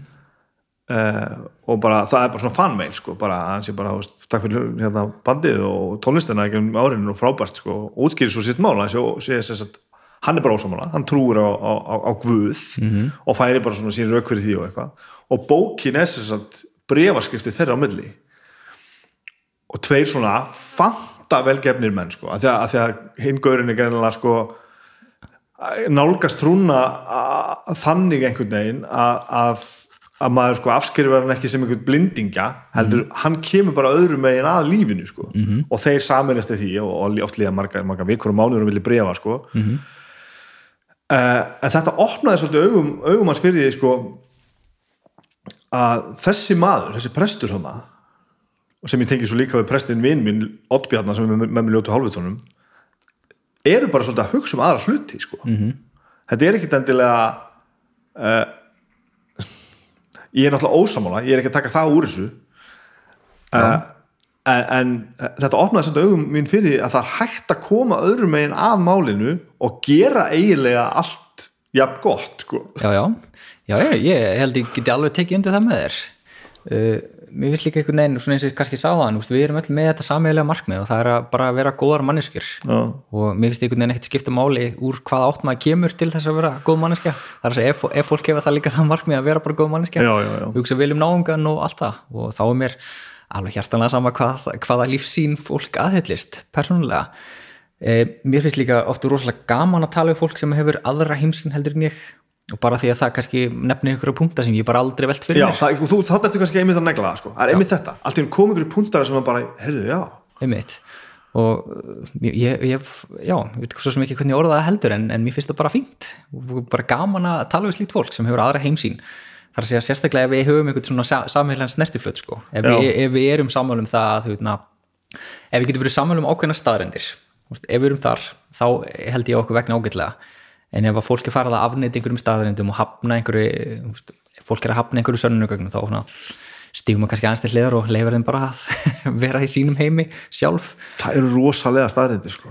Já, já, já, já það, og það er svo margþægt líka ég, svo, hérna, uh, að því ég er nú stundum líka bara svona úti meðal fólks í til dæmis svona vísenda síningum með einhverju slíkut úti og þá hittir maður oft fólk sem hefur kannski skrítnar hugmyndir um heiminn eins og til dæmis að menn hafa aldrei fætt til tunglsins eða neitt svo leiðis og það er einhvern veginn alveg að sama hvað maður alveg sama hvað rauk eða alveg sama hvað sönnunugögg maður flegir fram, það skiptir einhver móli það breytir ekkert heimsín viðkomandi. Og mér finnst oft svolítið erfitt að tala við slíkt fólk. En þá ég bara byrju, þá erum við allavega að horfa heiminn frá tveimur mismöndu sjónarhórnum en sönnunugögnin eru afgerandi fyrir aðra annað sjónarhórnið heldur en hitt. Annarkor hlýtur á rámt fyrir sér. Og ég er nokkuð vissum að viðkomandi heldur ég hafi alveg kól rámt fyrir mér en mér finnst stundum svolítið erfitt að tala við slíkt fólk sem afnættar staðrindum en, en svo horfum maður á heilu þáttaræðinar mm -hmm. um það sem afsannaða að við höfum farið til tungsins já en afsannaða afsanna þær það. Að því þegar maður skoðar þetta allt saman bara svona, já, lið fyrir lið þá kemur náttúrulega oft í ljósa að það stendur ekki styrni við steini við þessar sönnuga, þú ert kannski að horfa fram hjá einhverju líkilatrið eða eitthvað þessu þar og bara dæm það eru Uh, já, ég minna að það er enga stjörnur á myndunum á heimlunum uh, stjörnur á heimlunum á myndunum frá tunglinu. -huh. og það er samt dagur. Og á daginn sjást stjörnur ekki því að sólin er miklu miklu skærari heldur en nokkuð tíma stjörnur á heimlunum þannig að það er bara mjög eðlert að sjást enga stjörnur á heimlunum uh, hérna, fánin blaktir -huh. að því er veriðst á myndunum. Hann blaktir bara alls ekki, hann er alveg grafkir og hann er, hald, hún er með haldið upp á tveimur stungum en ekki einni. Einn lárétt, einn lóðrétt þannig að hérna, það er oft svona rosalega einfalda skýringar á öllu þessu, öllum fullirringum sem að þetta fólk kemur stundu fram með. Og eitt annars sem kannski lendir líka þar að núna undarfarið þá tekur fólk eftir því kannski meira þegar flugurleir eru á lofti á heimlunum en þegar sólinn er látt á lofti þetta á þessum árstíma að þá líta flugslóðar mjög skringilega út. Þegar sólinn er látt á lofti lýsið þá er hann upp undir þá. Ah og ég fengi mörg skeiti gegn samfélagsmiðla fólki sem tók myndir af einhverju skrítna heimlunum og er ekki samfyrst um það að það sé um að ræða flugvel og slóða jafnvel þó maður síni fullt af öðrum myndum sem eru nákvæmlega eins eða þannig. Þá er einhvern veginn spurningin orðið svona kannski ein mati svolítið heimskuleg. Og ég lét gappast að flugslóða sem er svona hverstaslegt okkur slags og ég kaup ekki alveg að skýringi þessu svona einföld. að og fólk vil þá meina að það sé hvað? Eitthvað annað. Bara já, sætti sig einhvern veginn ekki já, við það að þetta sé bara eitthvað svona hverstarslegt sem að það hérna, áttaði sig ekki á en það er bara fullkomlega eðlilegt þegar þú ert ekki vanur eða vun og horfa til himins og hérna uh, það er auðvöldra að gappa fólk þegar maður, já ekki auðvöldra reyndar til að draga, þetta tilbaka, það er oft auðvöldra að ga- gappa fólk sem að veitur rosalega mikið heldur en hitt. En hérna, er eins og, með töfrabröðu og slis að, að því að hérna allir sem eru nördar og, og svona þeir eru það er þá rosa auðvöld að, því að verist að gappa vísindamenn til dæmis í töfrabröðum og slíku. Þeir eru alltaf að reyna að finna skýringarnir og hérna, horfa alltaf fram hjá einföldustu skýringunni mögulega. Þetta ég aldrei heyrt. Nei, þetta er hérna, ég held að þetta er Richard Wiseman eða eitthvað svo leis, svona sálfræðingur sem er töframöða líka leiðinni og hann talar einmitt mjög oft um þetta, það er svo auðvelt að, að gappa vísindamenta fólk af því það einblínir á eitthvað eitt ákveði sem að, það er ekki nú opin hugastundum til þess að átta sig á þessu. töframennsku með sál, Já. nei, sálfsvæði með töframennsku sem aukafag. Já, já, það getur hjálpað. Þetta meikar algjörlega sens. Já, já, já. að því maður verður náttúrulega, maður hættir að horfa töfrabræði og maður reynir bara svona að leysa Akkurat, þá hérna, er svo auðvöld að leiða hugan eitthvað annað. Þannig er. Já, en nú er ég að tala um eitthvað sem ég hef ekki alveg vita á þannig að það er kannski betur að það er taka líka gaman sko, við verum að gera það líka það er engin spurning. En, en þú veist, hvað ertu þá með uh, fljúandi þurrluti og, og, og það allt saman sem að þú veist, Mhm. sem eru svona að blanda af samsæðiskenningum eða bara, ó, við veitum ekki neitt um neitt. Já uh, ég, ég náttúrulega er, er ekki samfærum um það að við höfum nokkuð tíma verið heimsótt af gemurum og fljúandi fyrirhlutir þá eigi alltaf einhvers konar jarðneska skýringar. Uh, ég og einn til dæmis kannski bara hugmyndin eða já, svo sín sem ég hafa það er að ég fer að meðal til út kannski 150 sinnum á ári. Ég horf upp í stjórnbjörðin heiminn í marga klukkustundir. Og að því ég náttúrulega hluta til vinnu við það líka. Já. en ég sé aldrei neitt sem ég kann ekki útskýra. Ég, sé, ég hef aldrei tekið eftir neinum fljúandi förðurhlutum með einhver svona sem ég bara finn ekki einhverja náttúrulega skýringar á. En svo er Jói sem býr í næsta húsi og horfur aldrei upp í heiminin hann kemur út og hann sér allt í einu bara einhvern fljúandi förðurhlut sem hann kann ekkert útskýra. Og en ertu ekki að tala svolítið um töfrabræði Töfrabræði, það getur verið, ég sé bara hann blindur þú er bara að horfa. Orðið svona blindur fyrir þessu. En, en hérna oftast ég fæ um eitt svona eh, skeiti sem að eh, það sem fólk er að lýsa þessu og þá yfirleitt get ég alltaf fundið út hvað þetta er. Já, já. og það kemur náttúrulega líka fyrir að maður getur ekki fundið út hvað þetta er það bara lýsingin ekki nógu góð, ég var ekki að staðnum, ég get ekki dæmt um það en það er rosalega stökk að fara því að þetta hafi verið flugvél, gerutungl, fugl, eitthvað sem er fljúandi yfir það að það sé heimsókt frá öðrum hnöttum. En vá hvað ég er því gladur ef að það er því einn daginn heimsókt frá öðrum hnötti. Ég myndi bara bjóða mig fram í að koma í heimsókt sko. er það að fara að gerast? Nei. Og það er vegalengdin bara á milli stjarnana sem veldur því að það er rosalega orkufrekt að ferðast á milli stjarna og tekur brjálaðislega langan tíma. Og þá koma lögmál eðlisfræðinar til söguna sko náttúran nefn- nefnilega vill streytast á móti þegar þú reynir að koma hlut mjög hratt. Þá maður þekki það vel þegar maður er að kera bíl þú þarft miklu miklu meiri orku í að kera bílinn hratt heldur en hægt. Og það er bara lögmál Newtons og síðan á endanum lögmál Einsteins já. sem valda því. Þannig að það ætlar að sparka bolta rosalega fast það ætlar að sparka mútið í geimi þá ætlar að sparka um ansi, ansi hratt, ansi fast. Og það getur verið mjög erfitt. Þannig að þú ert að þú, þú ert að segja að þetta sé ólíklegt á rökum þess á rökum eðlisfæðinar en ekki það að sé ekki lífengstur annars það Já, þú þyrftir að finna upp uh, tæki og tól sem geta ferðast á gríðarlega miklum hraða. Og eina leiðin til að ferðast á gríðarlega miklum hraða er að nota brjálæðislega miklu orku. En það fara bara alveg í vísinda skaldskapin veist, að, að þetta líf sé bara ekkert á sama grundvöldu okkar líf. Og þú ert bara búin að beigja tíman og þú ert bara komið miklu lengra eða annað við segja. Akkurat, þá er alltaf að beigja tíman eða beigja tíma rúmi Til dæmis segi ég, með sko, vörpudrifið eða eitthvað Já. leiðis í Star Trek að þá þarftu líka mjög miklu orku. Að því að hérna, þú þarftu rosalega miklu orku, mikið massa og, og bara já, miklu orku til þess að sveigja tímarúm og beigja það. Og einu hnettinir, eina náttúrulega sem við vitum að gera það eru, já, náttúrulega plánutur sólir uh, og svartól og þetta er svona hluti sem eru svo stórir og miklur orku, orkuríkir og, og efnismiklir að það var alltaf hægt að ímynda sér það. Þú tala núna svolítið. Já, eins og þessi hvað? Eins og nei, nei, sko þú tala núna svolítið eins og þú náir pínu utanum það sem þú ert að tala um. Að þegar við erum að tala um alheiminn sko. Já, og þú veist, fyrir mér er þetta bara endalust og ég veit ekki neitt, það er bara fullt af einhverju brjálaði þetta úti og, þú veist, og fyrir mér er þetta svo stórt og viðfænt og óskilanlegt að ég sé bara fyrir mér sko einhverja hliðstaða veruleika sem ég á aldrei eftir að sko, komast nálægt í að vita hverjir eru sko. Að þú ert að tala um þetta á einhverju svona röksemda grundvelli. Að þetta er bara að, að sko sömu lögmál gildi allstaðar út í sko óendanleikan sko. Já, já, það gerir það líka. Við þetta þetta er bara lögmál náttúruna sem að ráða för hvert sem lítið er. Og það er líkillina því að við skiljum alveg það er að lögmálin hér séu alveg eins og lögmálin uh, 10 ljó, miljóna ljósari burtu. Og er það þannig? það er þannig Veistu það bara? uh, ég náttúrulega hef ekki farið á staðinn en það eina, einu sönnunni sem við höfum er að nota ljósið. Og við sjáum þegar það kemur til okkar við sjáum hvernig það er búið að strekkist á því út af einhverjum fyrirbærum til þess útþenslu alheimsins. Og þannig að jú, sömu lögmál gilda auglúslega á öðrum stöðum eins og í okkur og akkur ættu við ekki gilda líka annar staðar Ég veit það ekki. Nei, nei. Það er þetta, ég veit ekki neitt. Kannski, er, kannski er þetta trúast ekki sem ég er að taka þarna um, Já, já, já. um það, en hérna, það er allavega ekkert sem bendir til þess að lögmál eðlisfræðina séu öðruvísi annar staðar heldur en í okkur. Þetta er mjög heillandi sko. Já, það er það. Að því, en það er líka svo fallegt. Því- Já, því- það hann er í sammála að því að hérna, ok, ef fyrst að sömu lögmál efna og eðlisfræðin er, er að verki einhvers þar í veturbraut sem er segjum 2 miljónur ljósári burtu það þýðir að nákvæmlega sömu ferli þar geta átt sér stað geta átt sér stað þar eins og í okkur.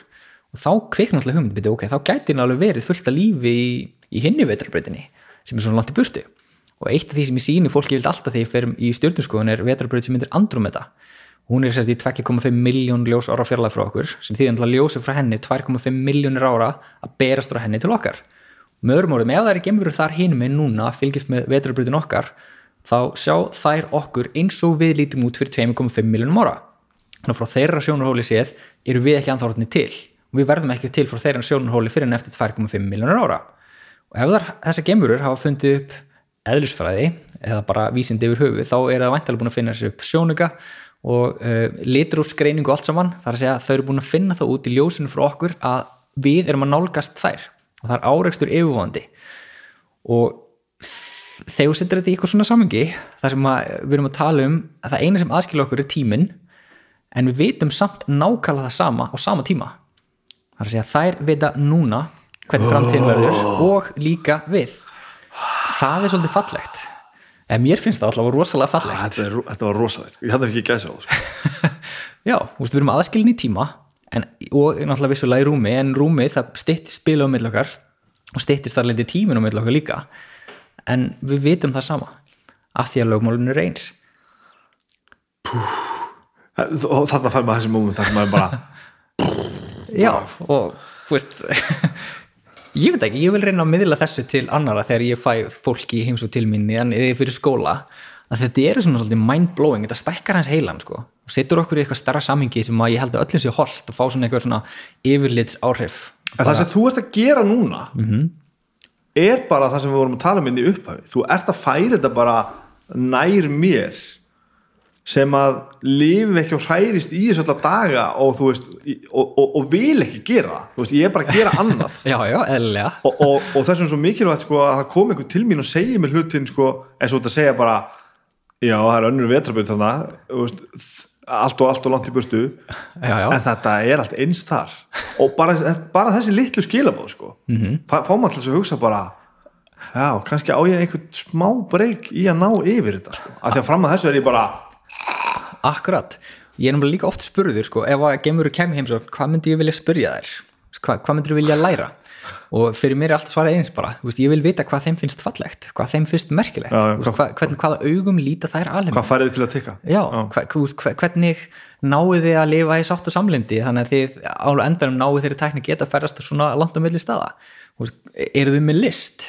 Hvað finnst ykkur fallegt í listinu, hvað finnst ykkur ljótt? Eru þið með siðferði, svona eins og við? Hugsið á annan hátt um, um aðra lífurur á plánutinu ykkar heldur við gerum? Eða setið ykkur á einhvern svona stall fyrir ofan alltaf sem eins og, eins og við gerum svolítið mikið hérna á jörðinni þar sem við lítum okkur svolítið sem svona kórunu sköpunverksi sem við erum bara alls ekki við erum svo öll eftir að, við erum eftir að hérna, þróast áfram og, og það er ekkert búið sko.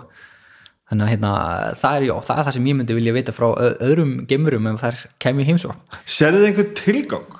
Veist, Með söllu? Já, það fer eftir í hvað samingi við erum að spyrja að, það er akkurat þess vegna sem ég spyr sko. Af því að minn maður Graffin tala mikið um hennan tilgang sko. Já Ef ég set okkur í bara stjartfræðilegt samingi Já. þá nei, þá Já, er það er eiginlega mitt. engin tilgangur með okkur sko. við erum, jú, leið fyrir alheiminn til að þekkja sig bara alheimurinn hefur fengið vitund í gegnum, gegnum okkur og hann er, alheimurinn er búin að taka á sig form inn í okkur sem að getur uh, lært það hvernig hann varð til og hvert hann fer og hvernig hann endar og svo framvegis hata sprendur um heilan aftur sko. þetta, er, þetta er svakali pæling Já, þú veist að því að þú veist, þegar öllu bólni kvöld þá erum við búin til úr frekar fáum efnum við erum búin til úr vettni við erum búin til úr súrefni, kólefni, nitri fósfor, einhverju slíkum efnum sem eru saminuð í líkamennum okkar, smá járni og svona, þannig að uppskriftin á okkur er frekar einföld efnafræðilega séð, en það er bara hvernig, hvað form þessi efni á að tekið á sig sem gera það að verkum að við erum útrúlega merkileg. Já. bara við erum allt í einu efni, döitt efni sem allt í orðið lifandi og farið að skilja eftir sér spór og ég veit ekki hvað og hvað. En nú er ég eiginlega búin að missa þráðuna sjálfur mér. Það gerir stundum að því að hausinn stundum komin aðeins lengra heldur en- Tilgangurinn. tilgangurinn, já. Eh, þannig að við skoðum bara efnin sem við erum búin til úr. Við erum all búin til úr dauðum efnum. Og þannig á stjartfræðalega mæli hverða skiptum við engum máli. Þetta er bara pínu pínlítill hluti og hérna, pínlítill tími og það breytir engu endanum. En svona ef við bara smættum okkur niður kannski í skala sem að okkur líkar betur sem er bara svona henni svona mannlegur skali þá er alltaf sjálfsögðu tilgangum með okkur. Við erum ótrúlega dýrmætt það er, við veitum ekki um neina aðra eins og okkur einhverstaðar annar staðar í veturbreytinni en þá þannig að lífi kannski mjög sjálfgeft og ef það er, þá er mjög dýrmætt og mjög mikill og góðu tilgangu lífs að viðhalda sjálfu sér. Viðhalda sér, já. Þannig að hérna, við eigum að halda áfram að fjölga okkur en reyna í leiðin að lifa í sáttu samlundi í plánundina þannig að við útrýmum okkur ekki sjálf. Já, já, stikkurinn þannig? Þannig bara að tala um skynsemi. Já, í raun og veru, sko, veru. En svo líka bara held ég það að, að fyrst við fáum öll tækifæri til þess að eigða tíma á þessari frábæri jörð að þá sé kannski tilgangurinn nefnitt sá að, að skilja plánunduna eftir í ástandi þannig að þeir sem á- tækifæri á eftir okkur Já, já. getur notið þess líka. Og ég reynir kannski svolítið að lifa eftir því eins bestu ég get. Þetta er að tala um bara svona, eh, svona mannleg gildi, bara svona siðferðisleg gildi. Og ekkert að því sko. Já, ég, ég var kannski einmitt að tala um hitt sko. Þegar fólk er að vera svona að, að, að hugga sig við það að það sé eitthvað svona æðri tilgangur sko já ég veit ekki og kannski, ég hef aldrei tengt við það bara, þetta er allt fokking tilviljun sko. Já, já, en það er líka svolítið, aftur fallegt er tilvílunir, ef að steinnin hefði ekki rekist á jörðina fyrir 66 miljonum ára þá væri við ekki hér í dag. Nei, nei, nei. og þannig að jú, það er engin tilgangur í sjálfu sér annar en sá bara það sem við gefum lífinu. Og svo er þetta alltaf, þegar að tala um þetta með einhverja fullkomnun sko að við séum svona af því að eitthvað Já, við þá erum- var ég til dæmis alveg brjála sko. sem eru meingölluð sko. já, fyrir utan það verður megin gölluð en sko þetta, þetta er ekkit betra heldur en eitthvað annað þetta er bara svona sko. Já, já, við búum hér vegna þess að aðstæður lefa okkur að búa enna Já. það gæti alveg verið betri stundum það gæti verið engir stormar eða engar ógnir annar staðar en ef það er engir stormar, engir ógnir þá þróast lífi ekki neitt, þá verður það bara alltaf Nei, nei, nei. það hefur engan tilgang til þess að hérna breyta, breytast eða aðlægast breytingum. Nei, nákvæmlega. Þannig að hérna, þetta er rosa heimsbyggilegt sem er bara gaman. Það er frábært sko. Og, og, og sko ég, ég er svona ég finn það eftir svona fæ fyrir þess að hugsa meira um þetta að árin líða sko. Að ég færist aðeins frá aðgerðaleysinu sko. -hmm. að því mér fannst einhvern veginn eins og þetta væri allt saman svolítið bara svona fyrir svona ákveð og stærra heldur en ég og ég ætti ekkert að skipta mig mikið af hlutum sko. Og þetta átti með sko, oft niður í bara smæstu hluti sko. Mm -hmm. í dag tek ég bara fucking verkatöflu sko. Já, skilur að því ég er bara með hausverk. Ég reynir þetta að finna balans ég er mjög hrifin að jafnvægi og ég reynir þá bara að drekka vatn að því mér vantar eitthvað. En þegar eitthvað er að þá er það vegna þess að þetta er bara ekkit fullkomið, við þurfum bara að laga þetta sko. já, já, og kannski stundum sætt okkur bara við orðin hlut eða einhverju sem við fáum ekki breytt. Og það sko, nákvæmlega. En einhvern veginn að býða eftir því sko að, þetta fullkomna sköpunar sem við og heimurinn er sko, að það lægi sér sjálft eða þú veist, það gerir það ekki. Það gerir það bara ekkert nei, nei, það eina sem við getum breytt er mannlegt samfélag, okkar eigin sköpun. Já. og við erum stundum, stundum svolítið tregt til þess að breyta því. Við getum breytt okkur sjálfum ef við viljum en okkur skorti kannski stundum viljan til þess að breyta okkur sjálfum. Þetta er rosalega þannig að og það er oft svolítið pyrrandi Já, það er gott, það er bara góð lýsing, þetta er bara, maður verður stundur svona frústrilega sko. já, já, en, en það er líka samt gaman að horfa til þess að maður getur haft áhrif. Og ég hef bullandi trúið því, kannski barnalegt en að hver og, ein, hver og eitt okkar hvert og eitt okkar geti haft talsveit mikil áhrif. Þar að segja ef við tölum uh, svolítið inn í hjarta á fólki við höfum rök fyrir því sem við erum að segja og tengjum það við eitthvað svona er, sem er kannski færa okkur, færa okkur til þess að hugsa en starra heldur en bara sami dagur eða næsti dagur. Og mér finnst ágætt að nefna sem dæmi hérna, flugeldan á Íslandi þar að ég datt óvart inn í þessa umhverfis uh, reyfingu eða hvað ég að kalla þetta umhverfis hugsun einhvern veginn hérna, árumótin 2017-18 þegar ég einhverjum pyrringi setti inn tíst á Twitter þar sem ég var að bölva því að nú varu flugöldauðlýsingar byrjar og því fylgdi ónaði sprengingar fram eftir nóttu þegar á ekki voru að sprengja rusl fullt af loftmengun og klikti sem út með því að segja að þetta er kannski bara að banna þessa blessuðu flugölda. Og það vatt heldur betur upp á sig. Já, og það leiti til þess að það breytti minni sín, það breytti minni sín þannig að ég lærði það að fólk almennt gerði sér kannski ekki grein fyrir því að mengun sem verður til einum stað, hún hættir ekkert að vera til. Hún hel- heldur bara áfram að vera til en hún fer bara mögulega eitthvað annað það sem veldur öðrum óþægindum. Og ég sór þess eigið að fjalla meira um umhverfismál vera leiðinlegri innan gesalappa þar í þeim efnum. Vegna þess að það skiptir okkur bara ótrúlega miklu máli þegar við setjum þetta í eitthvað stærra samingi og þá lærir maður alltaf rosalega margt eins og til dæmis bara það sem ég vissi ekki á það að börn andar hraðar heldur en við og svifri ekki tilningu til þess að vera að læra á lofti heldur en fullorðnum fólki er þannig að börn eru útsettari fyrir slíkri mengun heldur en fullorðnir. Og allt þetta efni er bara það skadalegt fyrir lungun okkar, það getur farið út í blóðrúsin og valdið skada þar setna meir. Og þá bara, það opna svona aðra dyr og einhvern veginn þegar maður talar um þetta bara svona heyri það, ok, þetta er allt saman alveg satt úr rétt en váka með langar ekki að þetta sé satt úr rétt. Já, já, já, framsýnin náttúrulega er, er engin sko. Nei, nei. og við, ég held við séum alltaf og Íslendingar er náttúrulega mjög slæmi með þetta Mhm. til ég ætla að taka bara á þessu setna sko. já en, en þetta rettast bara ekki. Þegar- er slagurðið komið, þetta reddast ekki. Þetta rettast ekki, já, akkurat. Þetta er svona eins og ef maður flyttur í húsi með fullt asbesti og ætlar að rífa það niður sjálfur og þess að gæta að öryggisráðstöðunum þá ertu mögulega að skaða einhvern annan í kringu þig með ríkinu sem var fyrir upp í loftið. Og þá er líka svarið það, já, nei þegar þú fer lungnakrabba minna völdum asbestins þá rettast það bara alls ekki nei, sko. nei, það og, hérna, og þetta er kannski svolítið, svolítið svipað en maður sér hins vegar bara, ef maður hefur byrjað röka bak við sig þá er fólk alveg til í að hlusta og það er alveg til í að taka breytingum jafnvel þó að séu sorsakufullar og erfiðar stundum sko. og það er náttúrulega leitt til þess að það er allt önnur umræðum þetta í dag þetta er náttúrulega sko hlutinni geta gengið ótrúlega langt eins, og þetta með þetta flugveldamál sko. við erum að tala um ævintýralega miljóni sko, sem að fólk kveikir í veist, ég er ekki að segja þetta ég átta mig á því að það er vissulega að, að þú veist, peningarnir fara annað og það er ekki verið að kveiki peningunum. Styrki eitthvað. Að sjálfsögðu og, og þetta er gaman og allt þetta- sko. Mm -hmm. og, og svo þú veist, hvað ef að e- ef að þérna venjan væri að, sturta svona 50 miljón lítra af steinóli í höfnina og kveikin í einu svona ári? Mm -hmm. að það er svo flott. Akkurat, og það hefur alltaf verið gert. Og það hefur bara alltaf verið gert. Og bara, "Ah, ertu ekki að rífa kjáft, það er bara töff Og, og, þetta er galið sko. ég er ekki að segja að þetta sé sko, fullkomlega hlýstætt en samt næstu því já, já, þetta er bara ágætis ágætis samanbörði samt sem áður sko. að þetta er eitthvað sem við gerum líka hverjum degi. Við erum að gera eitthvað bara smá hverjum degi en áhrifin magnast síðan upp þegar fram í sækir. Já. Þú veist, og á- áhrifin magnast upp þannig að jöklarnir bráðna. Að hérna, sjórin súrnar, loftjúburinn línar visskerfið geldur fyrir og svo framvegis. En hérna, þegar við sjáum þetta allt saman einu bretti þá er miklu öðuldur að taka vandamörunni heldur en þetta gerist hægt og rólega dag eftir dag ár eftir ár þannig hérna Já, þetta er satt búið mjög lærdumsríkt og ég lærið það hvernig er að upplifa það að fólk tali mjög illa um hann. Já, þú fegst bara, fólk, var- bara stimplaði bara svona sem and Íslandsvinn Já, já, hálfviti og ymingi og dreftið og skjóttið ymmingin og hoppaði bara skátaði fýblið og drullaði bara eitthvað annað og eitthvað svona. En veist, mér er alveg sama þegar fó- fólk segir eitthvað svo leið sko. Það hefur ekki sérstök áhrif á mig. Það er meira áhuga á ástfinnum hans það er að segja kærustur eða, eða hérna eru kærustur, já, mar, mjög margar. Nei, ég er bara að tala um svona almennt sér sko, þú veist að hérna fóreldra náttúrulega en jú, já, ég á bara eina og ég vil bara eiga eina.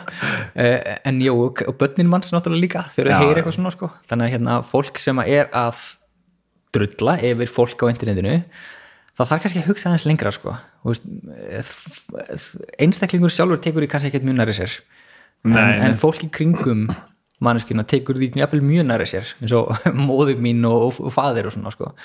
en hérna, mér er alveg hjertalega saman hvort fólk líka hafa einhverja Þú tókst nú líka meina, þú stóðst alveg fyrir máliðinu já, já, já, já. Ég, ég, ég hef spilað ágæta pólitík, pólitík þar samt að ég, hérna, ég lagði fyrst inn bara 50 skall á björgunarsveitina og hvatti Já, svo fólk þess já, að kaupa já, ekki það var- þetta. það Aldrei gera. brilliant þannig að hérna slá vopnun úr höndum eh, hinna svona snemma og hægt var Já, já, en það breytti kannski ekki öllu og þá sér maður líka þessa þrjósku sem er í fólki. Bara ég ætla að gera það meira af því fyrst að ég má ekki gera það. Bara, af hverju? já, já, já þetta er svona eins og myndin Rebelismin, sko. Já, hún séð þetta myndina að- sem gengur stundum á netinu það sem að einhver eru svona pick-up, stórum pick-up og út blásturinn úr bílunum er alveg kolsvartur reykur og undir stendur hérna fuck you earth eða eitthvað svo leis og svo er önnur mynd þarna með jörðina að senda fellibil á stað, bara fuck you too eða eitthvað svo leis sko. þetta kemur upp alltaf í baki á okkur Já, já. og hérna reynum bara standa okkur betur. En uh, hvernig verður þetta? Því að so far, já, þá sleppur þetta alveg, sko. Já, Við erum hérna bara einhver staðar, að þetta er bara alltaf lægi núna, sko. Og, og við erum svo, við erum svo takmarkuð að við náum ekki að hugsa þetta lengra. Nei, við, það er gallin við hugsum allt og stutt. Og þar eru líka fangar uh, þróunarinnar og það er bara eðlið okkar að hugsa stutt. Við höfum bara að hafa ágjörði því að fá að borða daginn eftir sko. En ekki að þurfa að hugsa 50 ár fram í tíman og að sé, við höfum eitthvað að borða þá. Já, já, þannig að, eh, jú, ég held að það tengist allt saman. Þannig að aftur, við erum að kannski reyna að ráðast gegn eðli einhver sem er bara mjög erfitt. Þetta er alltaf, þetta er mindblowing. En svo kemur líka, þú vorst að spyrja um tilgangin á, á hann og ég sagði að það væri engin tilgangur með þessu. Þannig að af hverju ekki bara hafa sem svo fáti ef maður getur sko? Já, en það siðferðislega verjandi hins vegar sko eins klísulega það hljómar sko ég er 42 ára og ég egnaðist ekki börn fyrir, fyrir 5 árum síðan sko Já.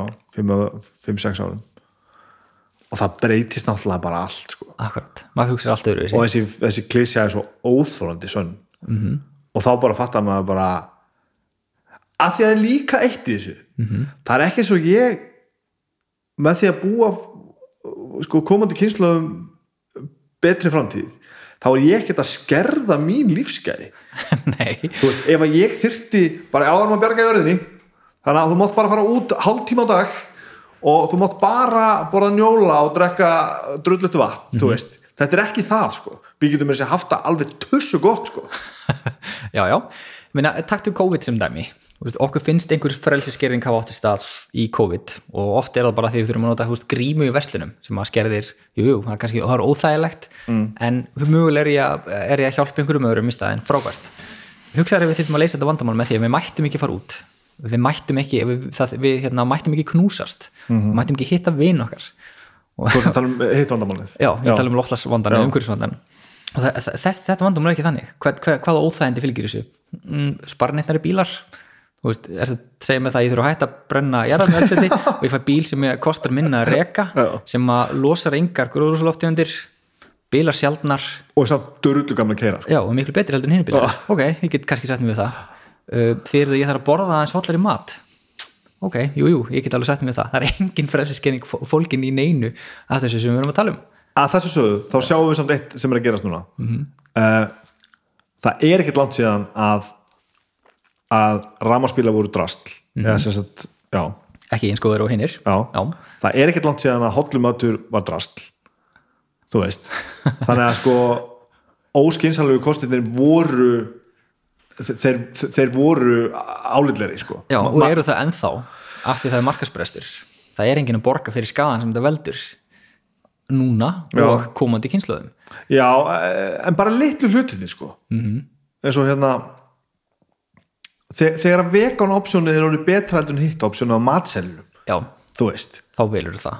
Já, Já, þú ert líklegri til að velja það. Já og ég er farin að gera þetta. Veist, e- fyrir nokkur ótrúlega fámánu síðan þá va- kom þetta aldrei til greina að ég tæki vegan optionið. Nei, nei, vegna þess að ég sjálfseski ég ekki það að ég ætla að fara, fara að kyrja hérna um, um, um, um nautakjöt og pólitík með það sko, ég, ég kann það ekki í kjölin en Nei, nei. ég átta mig á því að það getur ekki verið að við þurfum að borða svona mikið dýrum. Það er bara, það meikar ekki sens.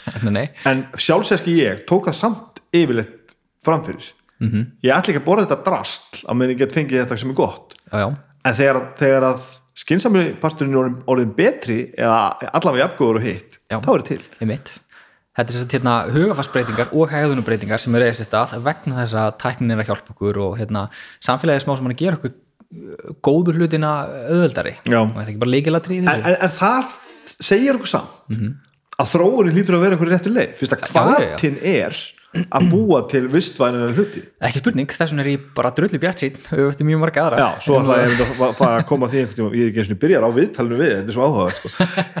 Ok. og hvert stefnum við svo? Uh, ég er fullur bjart síni vegna þess að það eru sko, fyrsta lagi sem er fyrirtæki vera að fara að taka svolítið boltan og íta af stað breytingunum sem við þurfum að gera vegna þess að þau læra það að það er bara miklu betra fyrir þau betra fyrir þau, betra fyrir eh, hérna, og oft er það bara ríki sem er svolítið að standa í vegi fyrir breytingu sem við þurfum að gera. Já, já, já, og hérna, ríki fylgir með þegar fólki er farið að kræfast þessar ríki fyrir breytingar. Þannig hérna, ég er þess vegna mjög bjartinn ég er náttúrulega mjög bjartinn eftir að Biden var kjörum fórseti það er ekki eins og hérna, það verði einhver bylting í bandarækjunum en þetta er svona lægsti samlefnari hann er bara svo miklu skári heldur en það sem var fyrir. Og maður sætti sér nánast við hvaðina í staðin fyrir það sem var. En bara svona þessi litlu hlutir sem skipta eða reyndar þar skiptir á mjög miklu máli. uh, allir þessi litlu hlutir sem telja sapnast þegar saman kemur. Og það, það er svona fellist maður bjart síni og þannig að já, ég er mjög bjartitt fyrir framtíðina og björnsin á hvað þá? Bara okkur takist bara að snúa þessu við? Já, okkur takist að breyta samfélaginu til eins betra. Okkur takist að gera, já, það verði allir hérna á samgöngutækjum sem að verði betri fyrir borgina sjálfa, fyrir umhverfið og fyrir okkur og hvað gerist þá? Erum við þá bara svona lengja í endalokunum fyrir sjálf, sjálf Já, okkur? þá, neð, þá, þá er ég alveg samfyrir um það að við finnum upp einhver ný vandamál til þess að rífast, rífast yfir sko. ha, ekki, ekki spurning, við gerum það alltaf ha, þannig að eini laust kallar okkur annað vandamál það er bara alveg þannig ég vil bara ekki venda svona eins og í Wall-E þar sem allir svífa einhverju bretti orðnir alveg já, já. f- já, 100 kílum of þungir horfandi okkur skjá að drekka matinn sinn úr, úr hérna flösku eða dós eða einhverju slíku, pappamáli. fyrst eru komin hingað og ég veit þetta er ekki svona, sko, þetta er ekki eins og þitt sko, specialty að nokkuð skapa hlutur sko.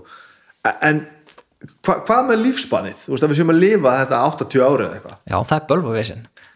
Það er svo dýrt fyrir samfélagið þar að segja. Að að við erum að lifa lengi minnur já, við erum að lifa svona lengi. En getum við ekki alveg bara að listað? Er það ekki einmitt svona vandamál sem að kallar bara einhverja sniðu og skemmtilega laust það er að segja auka lífsgæði eldra fólksins hvernig gerur það? Jú, til þessum er reyfingu ég áttur kannski við bara stærri hluti bara eins og eigum við eftir að sérast á döðanum sko. já, svoleiðis um, við erum komin þangað sko. viljum við það samt Le, ég, Já. Jú, ég reyndi því að hugsa um þetta þá var ég alveg til í að vera svo gammal að ég geti upplefað dauða sólarinnar eða eitthvað svona dót sko. en það kallar á 5 miljardar Já, það er svolítið langt. Þannig að já, ég, nei, ég veit ekki hvernig ég á að svara því ég svo sem ekkert pælti því því að við erum endanlegar lífurur en, og líka get eða búið skiptum allt í okkur erum við ennþá við? Ég meina, já, ég veit ekki. Ef vitundur er til staðar og, og, og man allt sem að eða allt, já, sem að á, áhefur gengið sko. Já, já, þetta er alveg stór spurning. Já, þetta ég veit ekki, alveg, veit ekki alveg hvernig á henni. Ég held ég hafi ekki svarað við henni Nei. með öðrum orðum. Uh, lífspannin alltaf kannski lengist vissulega og þá er þau bara meiri kvati vonandi fyrir fullorðið fólk að halda heilsu eins lengi og það getur þannig að það geti tekið þátt í samfélaginu og fara ekki að gleyma hlutum og geti lappa sjálft og staðið upp úr stólunum og, og svo framvegis. Og það er oft hérna lífsgeða skerðing sem ég lærði frá einhvern tíma tók ég viðtal við sjúkraþjálfara.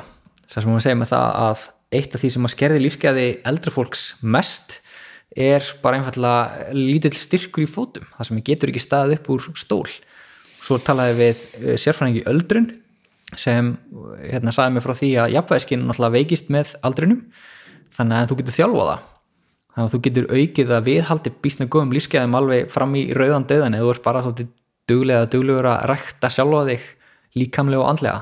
Já, og kannski gleymum við stundum. Að þeir verðum svo upptekinn við eitthvað annað einhverju lífsgæða kaplubi eða eitthvað. Já og, og hugsa mikið fram í tíman Nei. þú veist, ég er mitt hérna, sitt hérna og ætti að vera passa á mig lappirna, sko, ég er ekkert að því þetta er alltaf lægi núna, því ég er 42 ára sko. Nei, Akkurat, það er líka, við, við erum hérna við forðumst svona tímabundin óþægindi sem fylgir því að fara að þjálfa fætina tímabundin óþægandi, þetta er frábært sko. Já, þið, en, en þetta á ból, við forðumst tímabundin óþægandi forðumst tímabundin hérna, óþægindi jafnvel þó að það losi endorfín í heilunum sem lætur okkur liða vel mm. Nákvæmlega, eftir á líður okkur mjög þetta er svo galið sko. já, bæði sko, líkamlega líður betur og þeir fyrir svona sálrænt skulum segja. Já, já. að líða betur bara svona, svona félagslega sko, bara, og allt saman þetta er bara, akkurat. Maður þarf að hafa fyrir því að líða vel sko. það er svo umulegt það, það, það er vissulega glatað eða sumuleiti en kannski ekki, að því þá er aftur, við erum bara lífurur sem við þurfum að reyja okkur, við þurfum að hafa ákveði fyrir hlutunum, sem líka minnum á það sem ég veist alltaf jafn skrítið, það er að við forðumst allt sem að við þurfum að hafa fyrir. Þannig að við reynum veginn alltaf að finna styrstu leið Já. öllu sem við mögulega getum uh, til dæmis að ferðast til og frá vinni eða fara út í búð eða hvað það er. Já, og svo hérna fyrir að sofa bara, oh, mér gengur alltaf svo illa að sofna. Best að frekar taka töflur, frekar heldur en að fara út og reyfa mig og fá náttúrulega þreyti líkamann þannig að við erum alltaf að lita einhverjum töfralausnum í staðis að ráðast bara róta vandans já ég held að þetta sé að nákvæmlega máli sko. að það er ekki alltaf að setja plástur og allt sko. þú hlýtur að þurfa að laga þetta já, og þetta sem ég var að tala með verkatöfluna sko. uh, líkaminn er að segja þér eitthvað já það er þannig sko en það er ekki þar með sagt að hann getur leist þetta allt saman sjálfur sko. Nei, nei. maður þarf stundum að vinna með honum og gera alls konar sem maður þarf að gera sko. Já, já, en bara en, ég, það er kannski hljómasun sem að sé einhver, einhver fullkomin í þessu, bara langt, langt, langt í frá ná, glimum við nákvæmlega sömu erfileika við að drullast að hjóla í vinnuna mín eins og, eins og hver annar maður sko. þannig að þegar ég kem uh, dreg frá og horf út bara það er svolítið ja, besti, besti keiri frekar, bara hættu þessu helvitis væli, Já, já. sestu bara hjólit og drullast að stað, já, það er svolítið það sem maður þarf að segja við sjálfum þessu stundum, já alla daga enda lausna Alla með allt sem maður er að gera, það er bara þannig. Það er líka það er líka gaman að finna einhvern ballan sko. Já, já, það er það svolítið er mjög gefandi skemmtilegt. Og líka vera bara með næga auðmyggt til þess að fatta það, maður er ekki fullkomin það er ekki hægt að vera fullkomin en Nei. bara reyna sitt besta. Stundum við gera kröfu á hvert annað um að vera fullkomin og mist, misti ég sig sko. og hérna, þá geta allir komið bara haha, þú ert jafn mikill sögður og ég. Já, já. já, já, ég veit það alveg. Ó, þetta er svo rétt.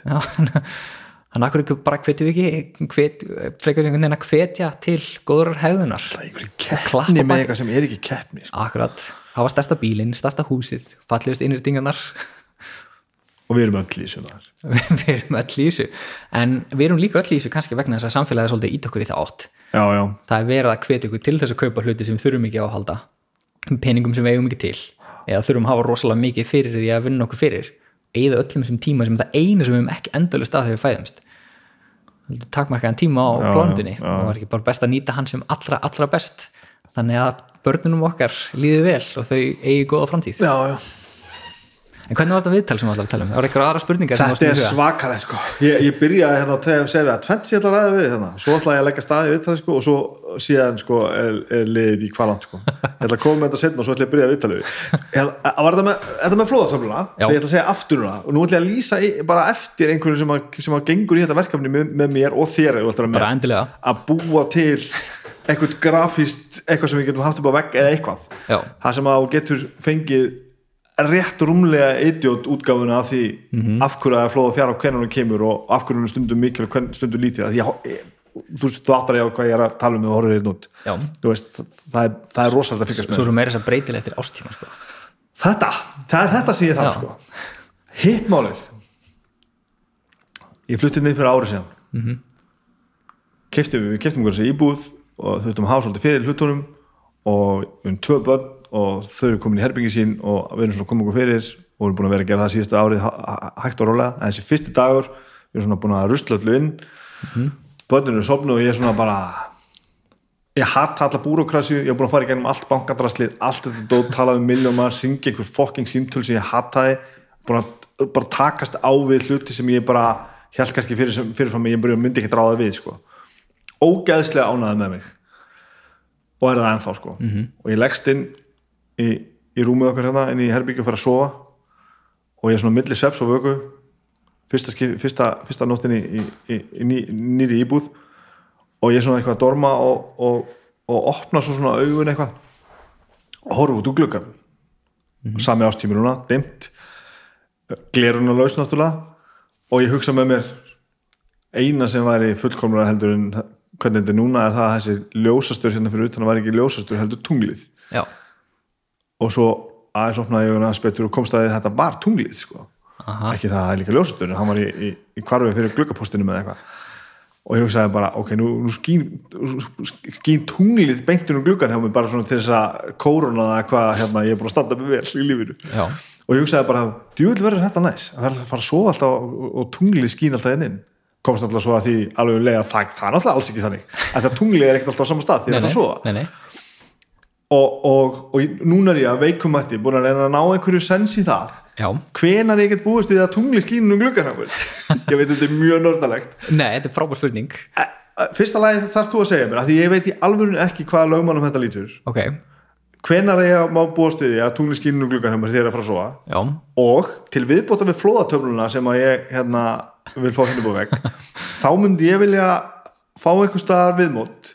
Það sem ég geti og nú er, ég- nú, passaði, nú er ég komin alveg í nör- í nördagangin sko. Ok, mjög það sem gott. ég myndi helst vilja er það, að ég geti tekið punktið þar sem hausinn liggur á kottanum hjá mér uh, angulið sem ég hef á gluggan og töflu upp á vegg sem segir mér hvenar ég get sér tunglið og hvenar ekki. Ok, hérna uh, veistu hvernig við snúum hérna?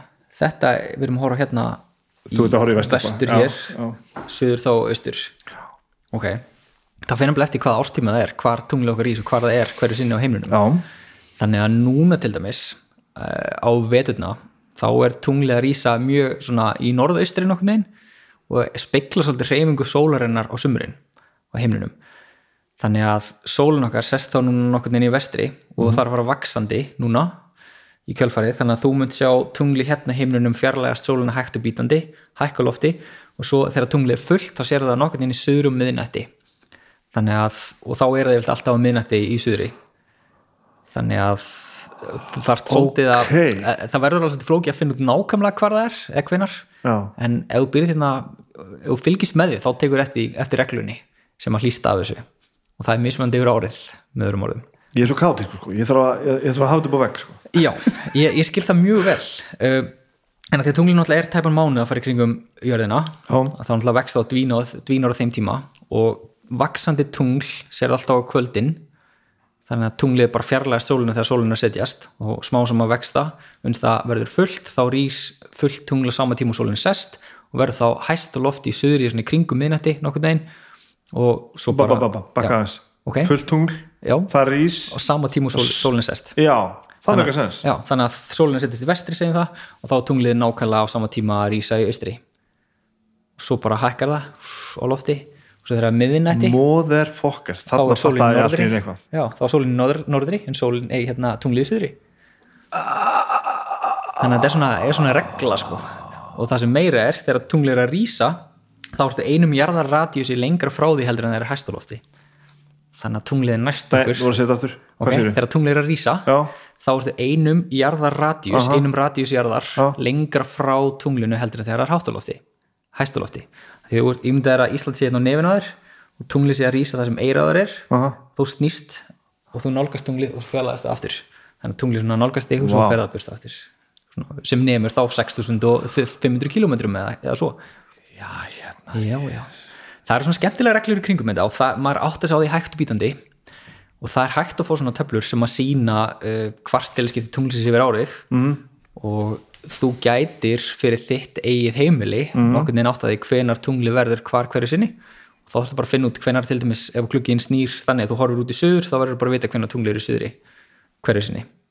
En ha, hátt og látt það sem sjóndildarhingurinn Já, þá er það bara eftir ár, árstíð þannig að sumrin verða mjög látt á lofti. Þá er það álíka, álíka hátt á lofti og sólin er núna á þessum ástíma á sumrin, því að hérna, þetta Já, já, já, er já, lókik hérna lí- líka. Og já, svo sér það yfirlega alltaf líka rísa setn og setn og nætunar þegar það er minkandi þannig að fullt tungl rís á saman tíma sólinn sest því því þá að hálft minkandi Já, tungl þetta rís meikar á cirka kannski 3, 4, 5, 6 tímum eftir að sólinn er sest. Já, Og svo þetta Já. já. svo kollakolli.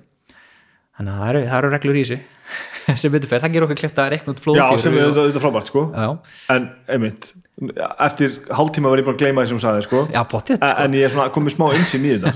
En er svona, en þetta líka kallar á það að maður sé svolítið að pæla í þessu.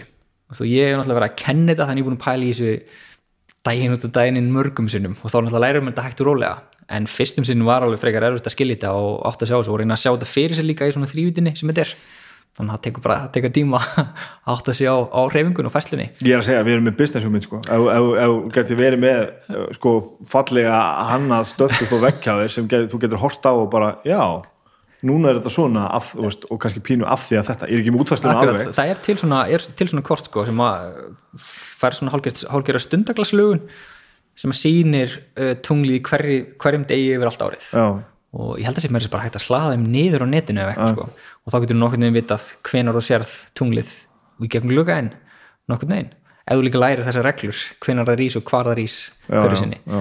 en uh, það er líka það getur með plánuturnar og plánuturnar það reglaði þeim líka eins og Júpiter er næstu 12 ára, ára fyrir kringum sóluna það er Saturnus 30 ár.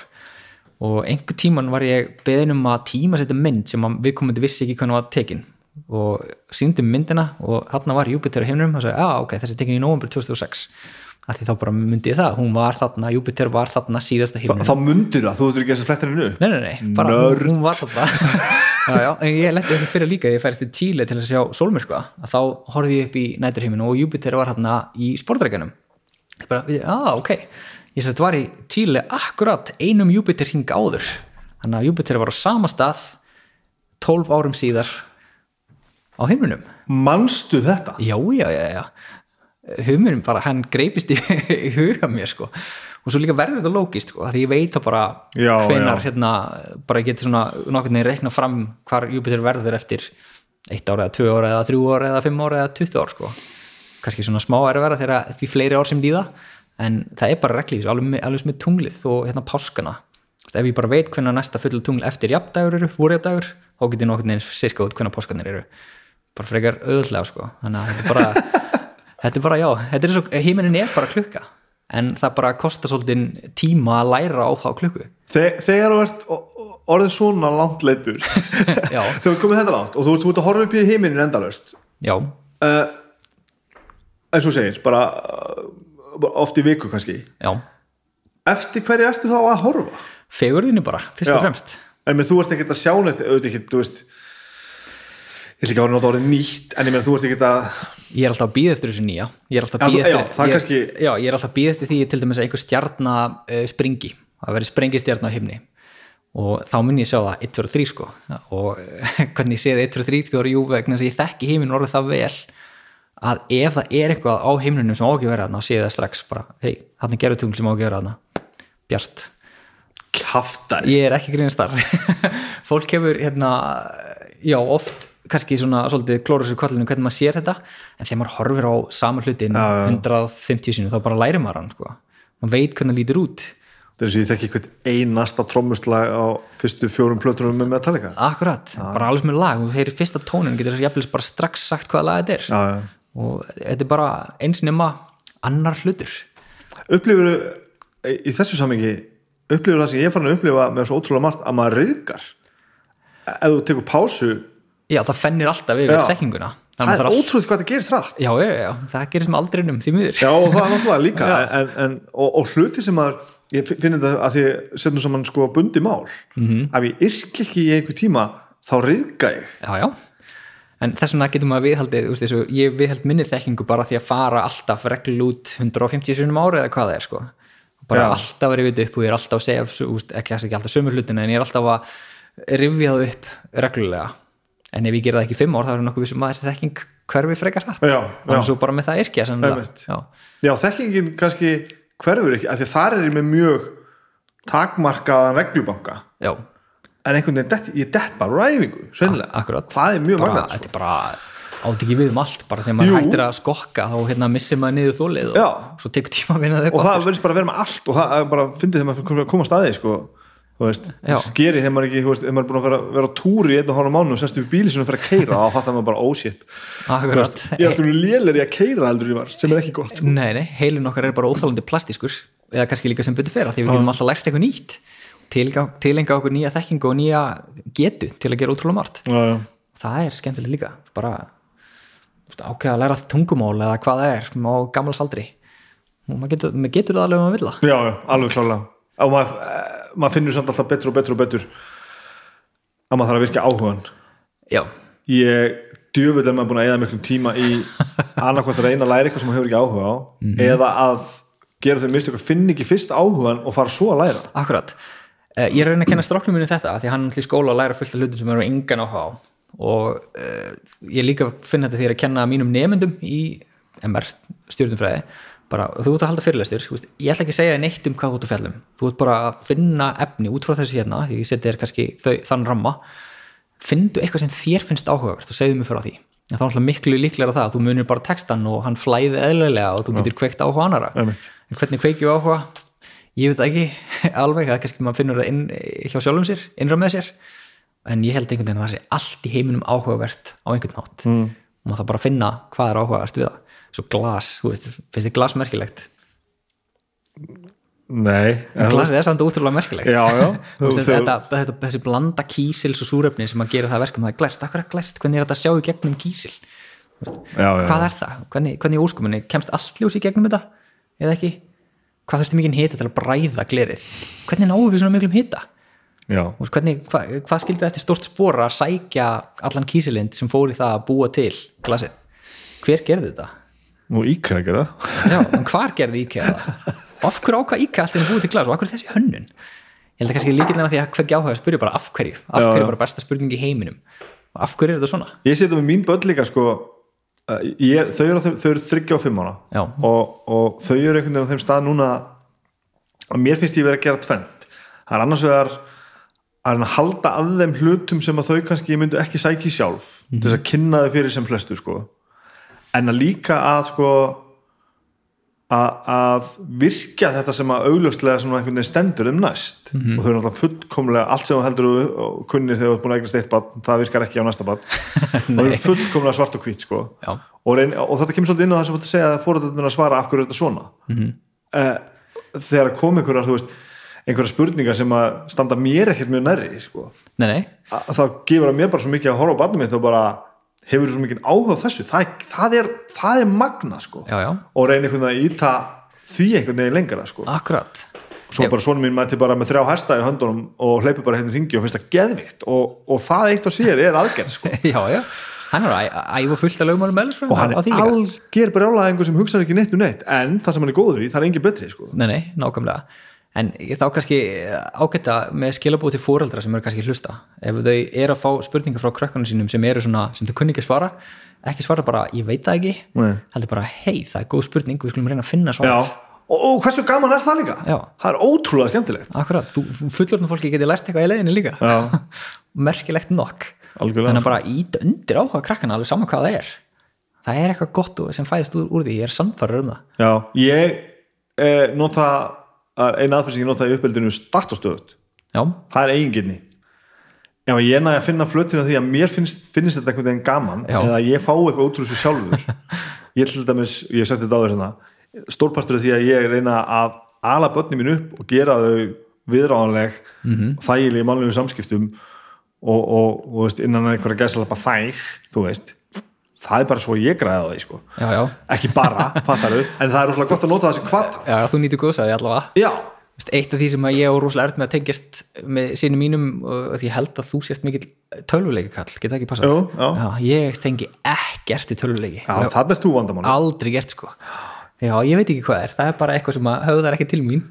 Og ég næ ekki ég næ ekki góð, ég næ aldrei að fara góður í töluleikum sem kannski ekki heldur hvetjandi til þess að spila þá en þú þarft ekki að vera góður í tölvinu nei, ég, ég er svona pappaspilari sko. Já. ég set bara alla leikin á easy og labba bara í gegnum þá sko. ok og nýt þess bara að, þú veist murka lífi úr einhverju, einhverju, einhverjum auðmingum og hérna fylgjast með sögunni og eitthvað svona við, hvað er þetta gammal?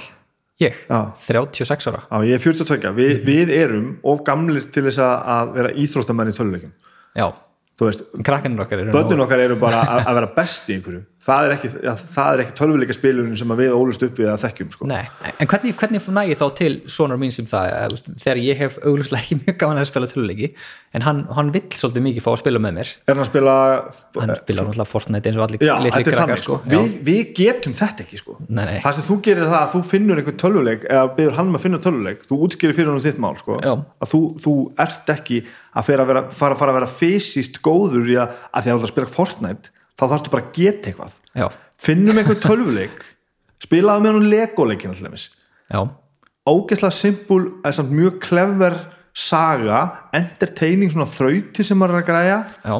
Uh, og þeir eru báður á skjánum í einu að vinna saman á hinn og þessu. Og þú Ok. þarft ekki að kunna neitt. Nei. Að þetta er dörullu gaman. Og það er hægt að vera góður í þessu. Þú getur verið pínu klefver og, og, og gert eitthvað. Ok, ok. Og þú þarf mjög basic kunnáttu sko, ég, þetta er það sem ég er að gera núna með dóttur minni sem er fimm ára sko, til þess að kenna henni að spila töluleiki með mér. Það er ein hagsmunni simmin hana já, klálega, þú veist, ég vil, ég vil geta gert þetta með bönnunum minn já, en þannig er þú bara fallið sömu grifi og við erum að tala um á það þú verður að finna sko, þú verður að finna þitt gateway inn í þetta. Akkurat. Og við erum ekki íþróttamenn þegar kemur á töluleiki við erum bara ekki, við erum ekki þar. Nei, nei, nákvæmlega, Fortnite er ekki okkar forti, Fæ, alls ekki. Nú ætla ég að byrja þetta viðtal. Hvaðan kemur við það? herri, ég er uppalinn í Hafnarfyrði ok, bara frá blötu barspinni. Ég fættist náttúrulega svo allir aðrir í Reykjavík 17. april 1984 eða allir aðrir, svona flestir aðrir sem búið á höfbörgsvæðinu búið í Hafnarfyrði eiginlega allar minna æfi nema núna býð ég í Garðabæ. Ok. Og til að borga læri skatta, nei, nei, hérna, nei, nei, ég býð þar vegna þess að þar var sett umhverfisvottað hverfi og ég ákvað að flytja í það þess að gá þess vegna gerir það þess vegna gerir það, það var eina prinsinn ástæða maður. já, já, já, maður reynir svona að sitt besta. Uh, ég er F-háingur og leifbúlmaður að sjálfsvið, ef maður á að skilgrina sig eitthvað neinn uh, æfði fótbolta með F-há í alveg 15 ára eða eitthvað næstu því. Og hérna uh, já, svo er ég bara vísinda nörd og fann ástriði mína þar. Alla jafna hins vegar finn ég líka ástriði því að elda góðan mat og, og hérna drekka góða drikki og þeir þurfa helst að vera eh, vandaðir, að segja eitthvað gott vín eða eitthvað þess Já. að sem að kveikir svona áhuga minn og svona fullorðins áhuga mál innan gesalappa það er að segja heimsækja veitingastæði og svolítið svona fúti og ertu nálgastu það svolítið eins og allt hitt? Þetta með svona uppur hvaðan það kemur og af hverju og... Já, ég sko, hérna, ég er hræðilegur þegar kemur á áhuga málum, það er að segja ég fer alltaf all in algjörlega og læri eins mikið og ég mögulega get um allt sem að tengist þessu áhuga máli, þannig ég er óforbetranlegur áhuga maður um, um Michelin stjörnu veitingastæði og Michelin stjörnu kokka og kaupi engöngu matræslubækur frá þeim og reynir sinni að herma eftir þeim í eldursunni, en það læri helling á því fyrir vikið en það sem kannski höfða til mín þar er þessi svona pínliti vísindilega nálgun á eldamennskuna. Það er að segja að þessi hlutfellin sé svolítið rétt uh, en að þú getur liftir samt sem áður svona sköpunugleiði í leiðinni. Og þetta er ekki eins og að fylgja upp vökunu uppskrift þetta er meira svona þetta, að við notum þetta efni í matinn vegna þess að þetta gefur einhver ákveðna einhvern ákveðum fíling, einhverja fróðu eða, eða hérna gummikenda áferð á einhver sem ávara gummikend og svo framvegi sko. hann er svona efnafræði eðlusfræði sem tengist þessu og líka þessi fullkomnin, þessi list sem að eh, blandast við matargerð sem er bara matargerða list sem að færa þarna. Bara því ég, því ég borða þá borða ég bókstæðlega með öllum skilningum ég þarf að finna lyktin á matnum, ég þarf að smakka hann ég þarf að hlusta hann, ég þarf að horfa hann og því meiri upplifun sem ég finn á veitingastað því betra sko. En ég get samt alveg sagt mér við það að fara á hérna, kannski ekki McDonalds en eitthvað svona skyndibitastað líka þess að milli sko. þannig að já, þar eru áhuga máli bara náttúran. En hvað, hvað, hvað, hvað, á hvernig heimil kemur hvað, uh, mínir grunn færðu? uh, ég fæ, já, ég ætla bara að eiga mjög góða fóreldra Já. og sem hafa alltaf stutt mjög öllu því sem ég tekið mér fyrir hendur. Uh, þau eru hvorugt mentur í einhverjum vísindum en einhvern einhvern slíku. Pappi minn er uh, og hefur alltaf verið sölumæður já, í ráftækja verslun leng, lengst af, þannig ég kannski fekk eitthvað svona ráftækja áhuga líka, græði fíkn Mhm. frá föðu mínum. Móðu minn er mikill bókormur þannig hún les alveg heil ósköp þannig einhvern, einhvern veginn hefur kannski fengið áhuga á bókmyndum líka í gegnum hana. Reyndar ekki mikið á skaldsögum heldur þarst að móti bara svona vísindabækur náttúrubækur uh, svo ég er bróður sem er tveimur árum yngri en ég sýstu sem er átt árum yngri. Ég og eitt son frá fyrra sambandi sem er tíu ára. Það verður tíu ára á gamlastak og svo er ég á ég vona á einum öðrum strák í mars á næsta ári mars 2021 já, og kærustu sem heitir Þórhildur og hérna hún er uh, vöru hún er vinni hjá fyrirtækjum til Vice. Hún var, hún seti pro, product owner. Veit ég hvernig það er því vöru eigandi vöru eigandi, ég veit ekki hvernig ég myndi orða það á, á, hérna, á íslensku. Ok, þannig að hérna ég ætla, já þar er ég. Svo reynda til talsverður áhuga mér um hönnun líka. Mér vil hafa svolítið fallegt í kringum mig og uh, allir hluti sem eru gerðið þannig að það er búið að hafa auga fyrir smáatrým þegar höfða til mín. Þannig að til dæmis þegar ég uppgötta það að Steve Jobs let tölvuna líka líta vel út innan sem hún sást ekki, Já. þá svona að þetta er talað inn í mitt að já, hluturinn já. þarf að vera vandaður frá A til Ö. Og hérna, já. Hvar hérna nú ertu það sem þú ert að lýsa núna er það sem að, það sem ég er, er að finna mig í setna sko, því ég var rosalegu svona slött, slöttólfsmaður sko. Ok, var alveg, mér var eiginlega svolítið sama sko, og það er gaman að hafa einhvern veginn verið sá maður sko, að því mér var eiginlega alveg sama hvernig svaf eiginlega alveg sama hvernig ég var klæddur. Mm. eða, veist, mm, nei, en, en, en þú veist það voru aðrir hlut sem skiptum máli, skulum við segja. Uh, og, og svona uh, maturinn þurfti bara að vera góður þú veist, Mhm. uh, mér er gott að vera fullur uh, ég vildi bara og, og, og það sem mér haldist alltaf í gegnum þetta er bara ég það gott fólk, gott fólk, gott fólk Já. og eitthvað til þess að skapa Mhm. uh, eftir, eftir því sem að árin færast yfir og, ég, og eitt sem ég líka mjög ánægð með er það að að það er svo gott að verða einhver aðeins önnur útgáfa af, af því sem maður var sko. Mhm. uh, þannig að ég er svolítið að að læra inn á þetta sem þú ert að tala um sko. nú er ég farin að meta eh, góða stöfið og, og þetta sem þetta segja þessi dítela sko. ég er farin að tengja mjög, mjög mikið við það sko. Einmitt. það sem ég ströggla við núna gamli óbaðaði punk rock hundurinn frá, frá fyrirtíð sko, Já. sem að vissi ekki hvað hann ætla að sofa í kvöld hvar liggur muninu á milli sko, áhugans og snobsins já er ekki snobbið þú veist eins og hérna uh, ég upplifum stundu svolítið sem eins og Ni- Niles eða Fraser ah, og þeir eru alveg klárlega snobbar þeir eru að sækjast eftir einhver sem að bætir ekkert líf þeirra þannig séð. Um, ég, myndi, ég veit ekki hvað maður á að setja línuna þar á milli. Þegar ég horf sjálfum mig þá vil ég bara kaupa ef ég þarf að kaupa hluti að þeir séu vandaðir. Og þeir séu gerðir til þess að endast þeir séu helst svolítið tímalausir. Og það ástæðan sem að er baki þessi bara það að mig langar ekkert eftir 30 ára að kaupa með nýtt ljós ég vil bara að það endist Já, já, já. í 30-40 ára sem ég alltaf bara býstum fallegt sko. þannig að ég kaupi mjög hluti mjög sjaldan en eigði þeimun meiri oft pinningum í þá fyrir vikið það, og þannig ég, að ég er að færast í þessa átt alveg allaleg sko. Og þetta er bara til þess að drá neyslu sko, því að ég veit alveg ég þarf sumu hluti, ég þarf augljóslega ljós heima hjá mér því að það sæði ekki neitt á kvöldin þegar það er dimmt hjá okkur þannig að ok, hvernig ljós þarf ég ég get sætt mig við hérna rússa pyrruna þang til ég hef efna ljósinu sem að mig langar að eiga sko. Og, og er þetta meira umhverfisjónum held, heldur en eitthvað já, það, það er svona meiri drifkraftur sko. bónusin er sá að þetta er já, það er betra að kaupa hluti sjaldnar heldur en oft og farlendi náttúrulega er ódýrara til lengs, lengri tíma litið það er nefnilega fjandasmálið Já. það sem að kemst að, sérstaklega því ég er búin að taka hennan skala sko, Mhm. að vera bara fara bara að kaupa mér skó fyrir 2000 skall að því líta bara ekki út Já. Mhm. mér er bara drullu sama -hmm. og svo allt í henni kefti kaupa maður sér skó fyrir kannski einhverja 20.000 og kem svo að því eftir nokkur ár að þetta eru ódýrstu skó sem þú keift Mhm. að því þú veist skrefafjöldin sem þú ert búin að taka þau, á, á þessum skóm versus skrefafjöldin sem þú tókst á, á hinu með, með við hérna með við, með húskallana Mhm. þetta er nóbreynir þú ert alltaf, þú ert alltaf að að nota þú ert alltaf á, á, á í, í, að, með ódýrari hlut í höndunum þau eru upp í staðið. Akkurat. Uh, Ég er bara hjartanlega sammála því og maður reynir alltaf besta að gera þetta en það er stundum svolítið erfitt því að það getur verið dýrt og dýrara að gera það. En jú, hugsa um hérna, einmitt kostnaðin uh, þegar maður er að nota hlutin hvers oft hef ég getað nota þennan hlut? Og á móti þegar að ef að skórin er ekki eins, er ekki eins og vandaðir þá þarf ég bara að kaupa það oftar Já. væntanlega. Uh, Sá með þetta, veist, og hérna, bara, veist, tökum dæmi með ljós eða eitthvað.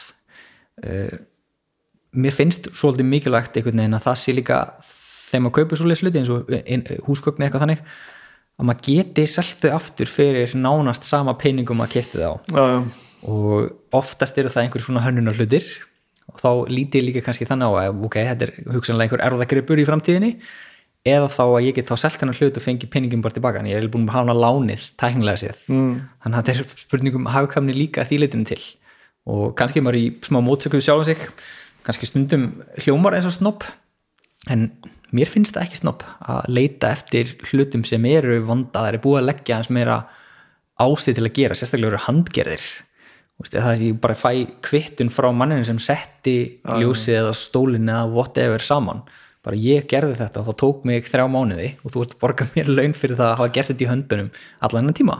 Ég, þú veist, meta miklu, miklu, miklu meira heldur en einhver fjöldaframlendur verksmiðu stóll eða hvað það er Já.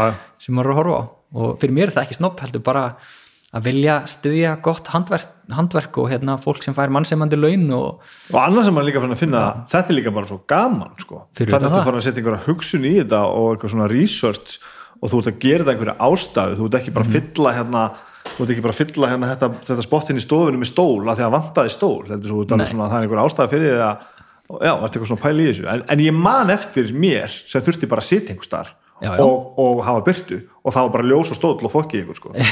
já, já, að sjálfsög, ég heldur við öll verið þar en ekki, ég vona það innilega uh, það- en þá kannski er líka bara fínt að uh, not, fá eitthvað notað eða eitthvað svo já. bara kíkja í góða herðin og þú hérna, ert alltaf, þú, þú, þú, ert, þú lifir og hræðist eftir þessu gildum ég reyni að standa með, stand, að gera mitt besta þar það, og fullkomlega meðvitaður um það að maður er stundum í hrópandi mótsöknum sjálfan sig Já. og stundum kemur svona flottræfilsátturinn kannski fram með að briskleikimanns sjálfur.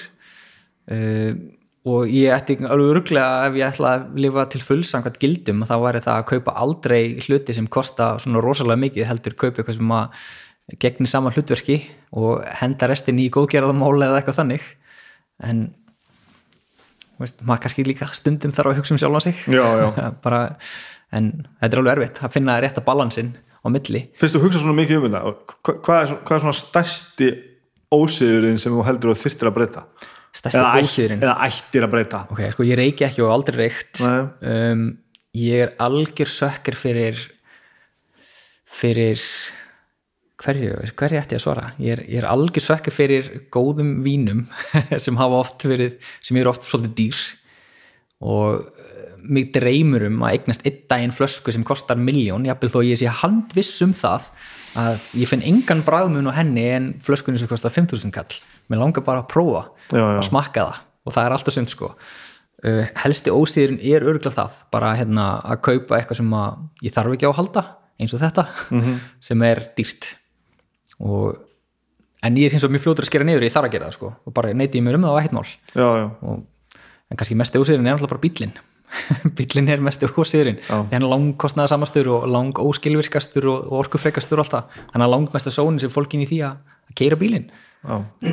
Ef að hugsa að því, og hann líka, hann veitir mér ekki ánægi en hitt veitir mér ánægi mér finnst gaman að þefa og smakka og mér finnst gaman að setja í vandaða stólnum mínum og það veitir mér ánægi þannig maður reynir að kaupa hluti sem veitir sér ánægi og þá er mér alveg stundum alveg sama hvað það kostar sko.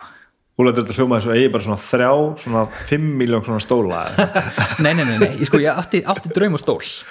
Uh, og það er hérna Íms uh, hægindastóllin Þú ert aðeins komin út fyrir mitt svið. Ok, ha, þú þekkir En hann, ég er ég, mér langar að komast á hennar stað. Já, sko, Frendi mig. Já, ok, þú þekki, það þekkja mjög, sennilega flesti þeir sjá þennan stól, þetta er svona frægur hægindastóll með skemli líka.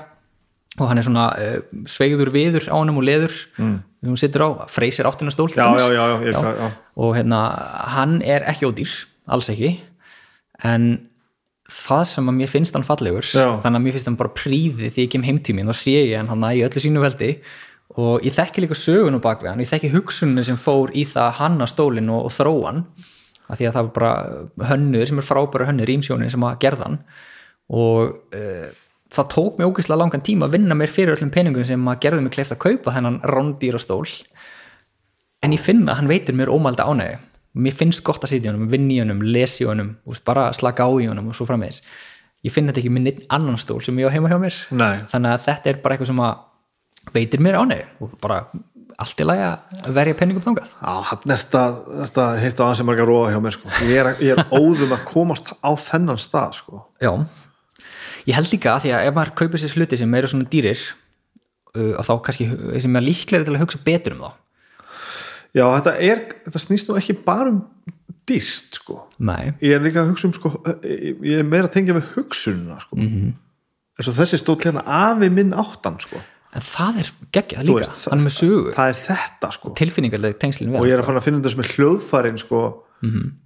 uh, ég vil ekkit endilega eigða mesta peningnum sko. en ég vil vita sko, þú veist þennan rauða bassa hérna átti sko, einhver, var- það er einhver jazzhundur í New York sem áttan sko.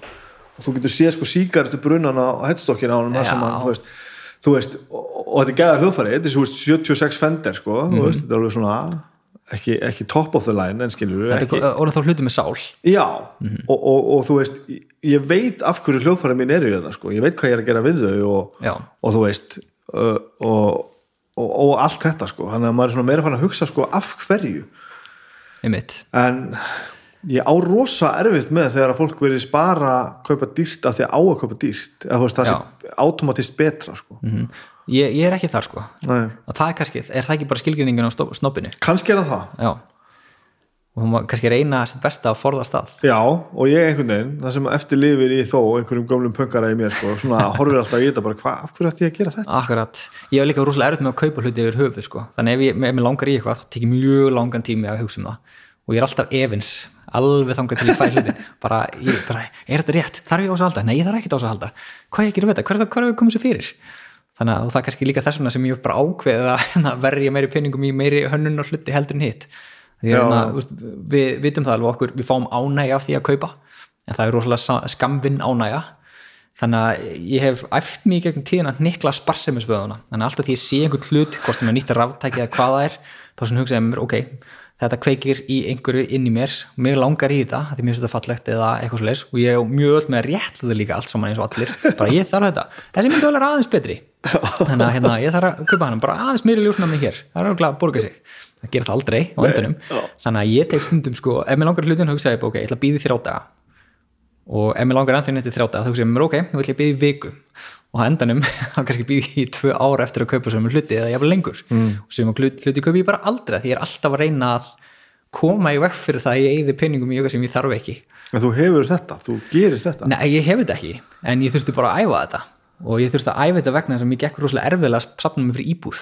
Já, af því að ég var rosalega duglegur að eigða peningunum í eitthvað sem ég þurfti ekkert á að halda. Hvort sem voru bækur eða DFFD diskar eða eitthvað svo á þeim tíma eða eitthvað, eitthvað þess að sko. nýr sími á hverju ári eða hvað það var. En svo fekk þessi sparsemi sem vingill svolítið svona byrjandi baðavengi því fór að pæla meiri umhverfismálunum. Var bara svona já, akkurat, þannig er réttlandingin fyrir því að, að hérna, kaupa sem allra allra minnst. Þannig er svona sparki sem ég þarf til þess að sleppa því. Og það hjálpar og finna svona réttlandingar annar staða frá.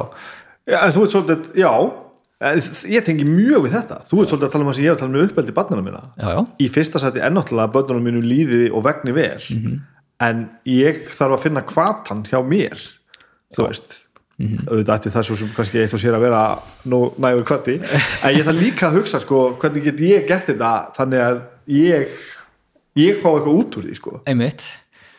Jú, jú, bara heimilið er heimilið þetta er fallegt já, það er mjög myndi þú segja, veist, ústum við að það er auglust mála þér líður vel inn inni, já, já, og þetta er pínu work in progress en þá við erum að fara mjög hægt í það að koma okkur fyrir sko. er það ekki bara betra? Já, en það, og það er eiginlega betra sko. það er svolítið það sem ég er að tala um sko. Þú veist, það, er, það er ekki allir hlutir hérna inni nákvæmlega eins og við viljum hafa það Nei, þetta er ekki allt glænýtt og hérna, Nei, og Þú þetta þarf ekki alltaf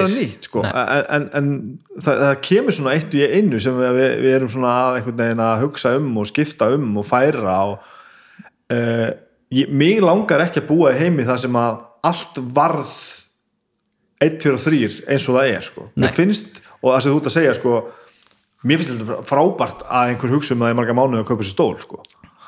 að þegar stólinn kemur svo hann er frábært svo þú ert að lýsa bara hver, hversu stór sigur er það? Og já, já, og, og, það, og þetta er í alvegni frábært að, að vera einhvern veginn komið með eitthvað svona sem hún notar svona mikið og, og hendar þið svona vel. Já, já. En bara fólk þarf að finna það hjá sjálfur sér hvað það er og ég er lappin í einhverja, einhverja dýra húsgagnarvæslan og segja þetta svona, svona, svona, svona og svona og skutlið þessu heim Já. og svo bara fyllur íbúðina þessu og þú veist í rauninni ekkert hvað þetta er sko. nei, nei, akkurat af því að ég þarf þetta ekkert strax sko. Akkurat. mér líður ágætlega það ef, ef, ef fólk er þessum, í þessum pælingum það, það er þannig veikt að því finnst rosa gaman að kaupa eins og margir, maður þekkir sem það er, það er frábært Já, það gefur mér ánir, þetta er samt bara svona svo fix Já. og bara John Lennon söngum þetta í Happiness is a Warm Gun I need a fix because I'm going down Já. þannig að þegar okkur líður illa þá fyrir við í kringlunni eða whatever og kaupum drastlum við þurfum ekki Mhm. þannig að mér finnst rosa gott að hjálpa fólki að flytja því kemur hugsunni já, ok, það er rosalega mikið á dóti. Mér langar ekki að eiga svona mikið á dóti. Er einhvern, á- þegar öllur er bótinu kvöld að lókum þá er þetta orðið vandamál annara ef ég hrekk upp af einn daginn þá þarf einhver annar að taka til eftir mig. Og ég vil ekki gera það, gera það heldur. En hérna leita haminginu annars, annar staðar. Hamingin er ekki drasli í kringum hann heldur krakkættum manns og konan manns eða fóraldrar eða vinnir eða hvað það er. Og líka bara kaffið sko. Nákvæmlega, an- sem dæmi annað, bara góð kaffivél heima. Já. bara lífskeiðin að mann segir mati fara bara upp. Já, og bara einhvern veginn að vera ekki sama. Nei, nei, ég, það er það sem ég held ég sé að læra að bara að, að þú ert að eyða tíma og orku með því að vera samum allt sko. já, já. Fækkaðu frekar hlutunum hafðu kaffi gott og þá ertu bara frekar góður sko. já, hún var svona tilengið sér næjusemi í leiðinni. Í rauninni er þetta það sko. fáir hluti sem veitum hann ánæg já, er, það, er, það er pínuð það sko. umvefja, svo reyndar uh, þjáist ég að þeim sjúkdómi líka, mér líður rosalega illa inn í kraðaki. Já, eins og ég fór einhvern veginn til Rio de Janeiro og hérna, New York og svona og bara tilkomið mikið og allt það. En mér fannst rosalega óþægilegt að vera með svona mikið af bílum og rosalega margt fólk í kringum mig. Að Kásin í Ríó er náttúrulega hún, svakalegur hún er það fæða sagt. En um, mér líður líka svona heima hjá mér. Ef það er of mikið af hlutum heima hjá mér þá bara líður mér ekki vel þannig ég hef þess að þörf til að fækka hlutum eins og ég mögulega get. Þannig að það er hlutinir verða helst að hafa tilgang Já. sem ég set inn til mín. Við gerðum þetta, við fluttum niður hérna. Já, lítið líbúðan hinum en lítið geimsluplás og við fórum það í misjón að losa okkur við allt sem við ætlum sem við þurftum ekki.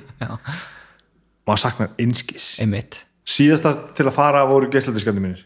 Já, og þeir enduðu með að fara bara og ég gaf það bara á einu bretti til, til vinna minn sem vildi eiga það sko. já, ég saknar einskis þess að maður líka að því við erum að tala saman rétt fyrir jólin. Jólin er svona hátíð sem ég alltaf átt svolítið erfitt með. Ekki að því að þau, það sé eitthvað hræðilega hátíð þannig sé, heldur bara neyslan í kringum hátíðina. Það sem að þú ert kvattur eða kvött til þess að kaupa Macintosh doll og hendir helmingnum á mólunum að því að þú borðar ekki helmingin á mólunum eða eitt þriði eða hvað það er og helst svolítið stóra dollir sem borðar mikið af. Þú eða kvött eh, maður er kvattur til þess að elda rosalega mikið og mögulega endar hluti matarins bara í ruslinni Uh, þú kvartir til þess að kaupa jólagjafar handa fólki sem á allt og vantar ekki nokkuð skapaðan hlut. já, og ég skil ekki tilgangi með þessu.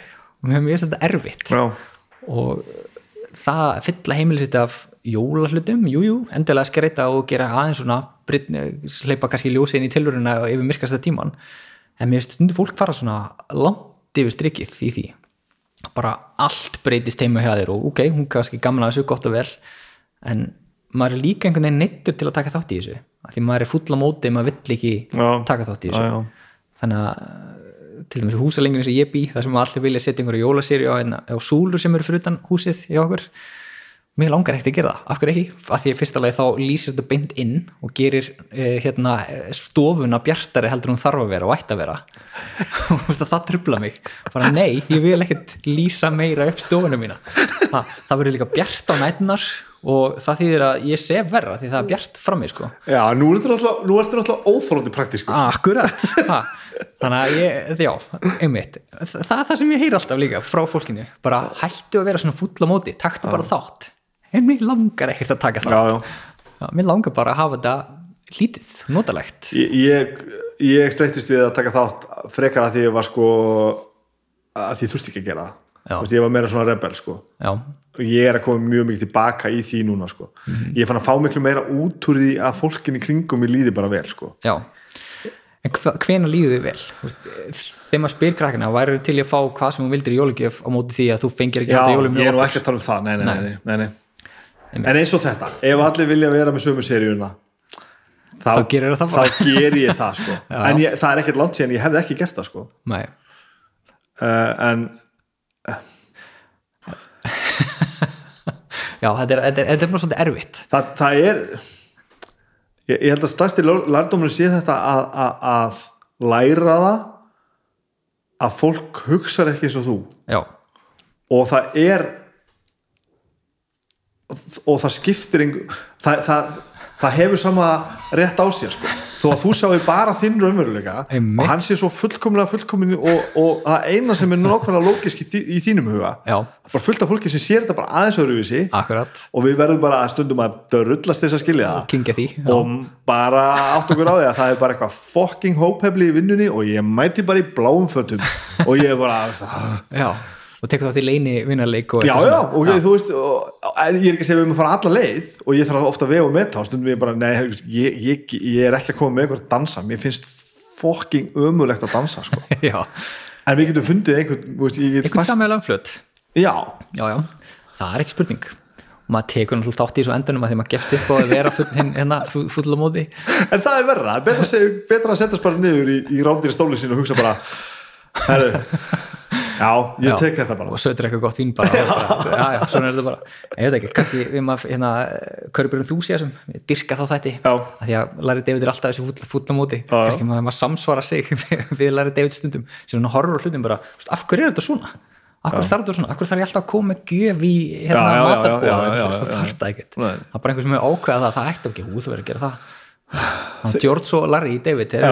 bestir sko ég er alveg, ég, ég tengi við þetta sko. En að samanskapi er ég farin að uh, ég er farin að upphefja hefðir meira sko, Já. svona konkrétt hefðir. Mér finnst það mjög fallegt. Ok, eins og? Uh, ég, þá er ég kannski meira að tala um sko uh, hefðir sem hafa orðið til hjá okkur sko, eða þú veist, hjá fólkinu mann sko, að þú veist, þetta er einu svona ári sko. Teng, tengdapappi sker laugabröðið í kringum ammali sitt í desember sko, -hmm.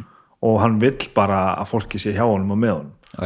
Og of maður fattar bara þú veist, þetta er einhver hefð sem hann er búin að halda í mörg ár. Mm, og þykir væntum það á svona. Já, og svona bara þegar ég þú veist, á þessum árið sem er líða sem að við höfum verið í sömu, fjölskyldu þá fattar ég alltaf betur og betur bara herðu, þetta munar hann bara öllu sko. já, já, bara þessi litla hefð sko. akkurat. Og, þá, og þá bara reynsa maður bara dagskarnaði sem það er að gera og bara passa sig að gera þetta sko.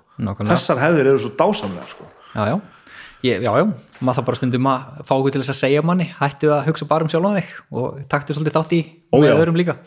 Og ég þekki það alveg. Heldur betur sko. já, þannig hérna, jú, jú, þetta er ákveðist tími sérstaklega þegar maður sé stjörnunar Þú- mér langar að vita aðeins meira.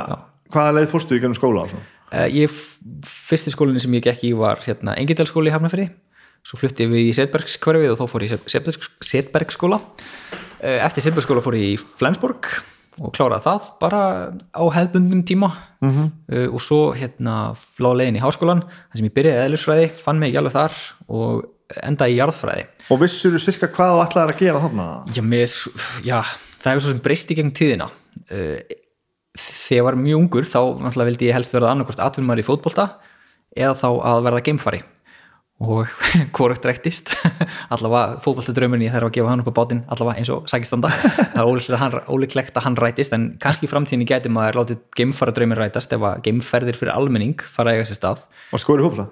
ég var ágændur sko. Ég var alltaf íslensmestari alloft og hérna ég var alltaf í aðliðinu í því sko, þannig að ég var alveg ágændur og hefði örgulega getað komið slant með rétti hugafæri Þetta er ótrúlega, þetta er ótrúlega, ótrúlega hérna, mótsögn í þessu. Þú, þetta supernörd hafi verið svona góður hópla já, ég var, svona, ég var ágættur, ég myndi aldrei segja að ég var mjög góður í fókbalta en ég, ég var ekki lélegastur og ekki bestur.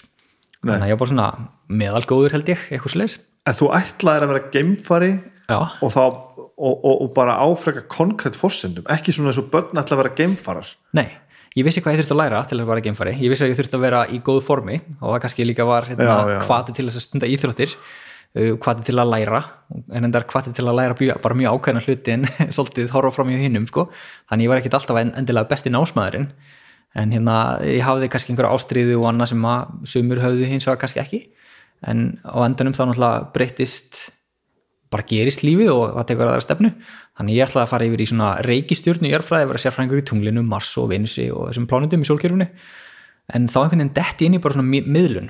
Og þá allt í einu er ég beðin um að fara í viðtöl í fjölmiðlum og halda einhver fyrirlestra þannig að það gerist allt sem hann óvart. Já, já, og þá fæ ég að heyra það að ég sé ágættur í því. Og þá leitar einhvern veginn lífið í þá stefnu.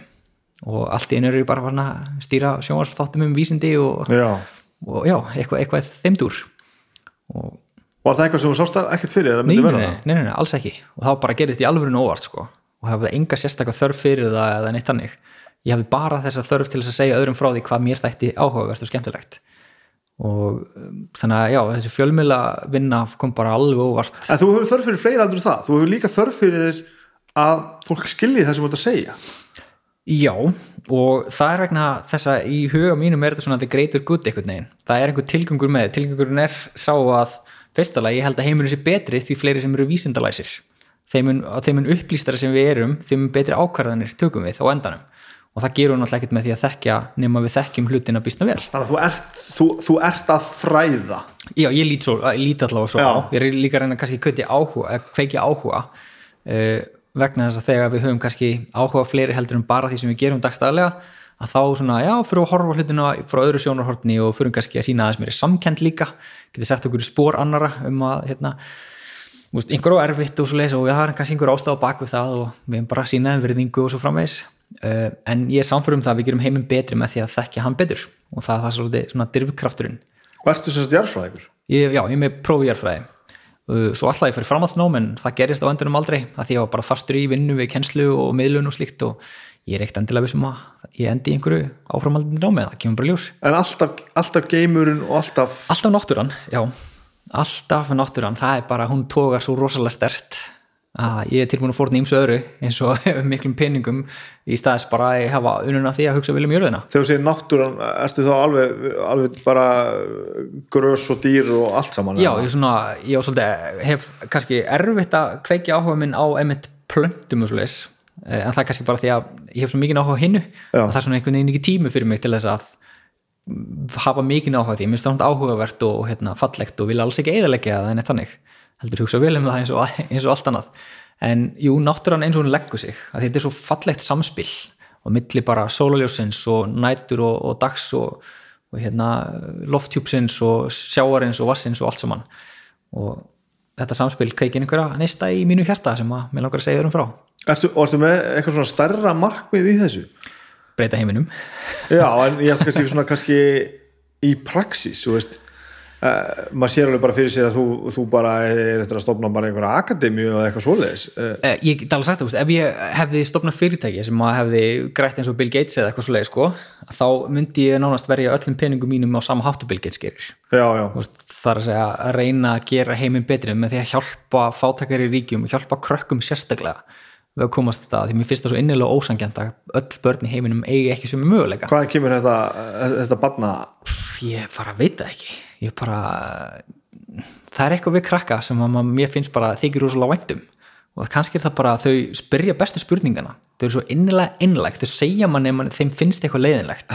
Einhvern tímann þegar ég er að halda fyrirlestra ég er að sína eitthvað vídeo. Allar tala um þetta allan dag eða? Þú veist, bara, ok, ég er ekki nátt til þín. Frábært, við skiptum um kurs. Og ég vil, mér krakka miklu skemmtilega en fullurinn fólk, fullurinn fólk. Bara að, að, því leiti þú, þau eru náttúrulegir vísindamenn sem spyrja bestu spurninguna þegar var einlegan áhuga uh, þeim finnst líka ósangjant þegar eitthvað er gert á hlut annara Já, já, þau sína dýrum og kannski fólki meiri samkentendur oft fullorðnum fólki sem búið að svona fjarlægi sér tilfinningarlega frá mörgu öðru.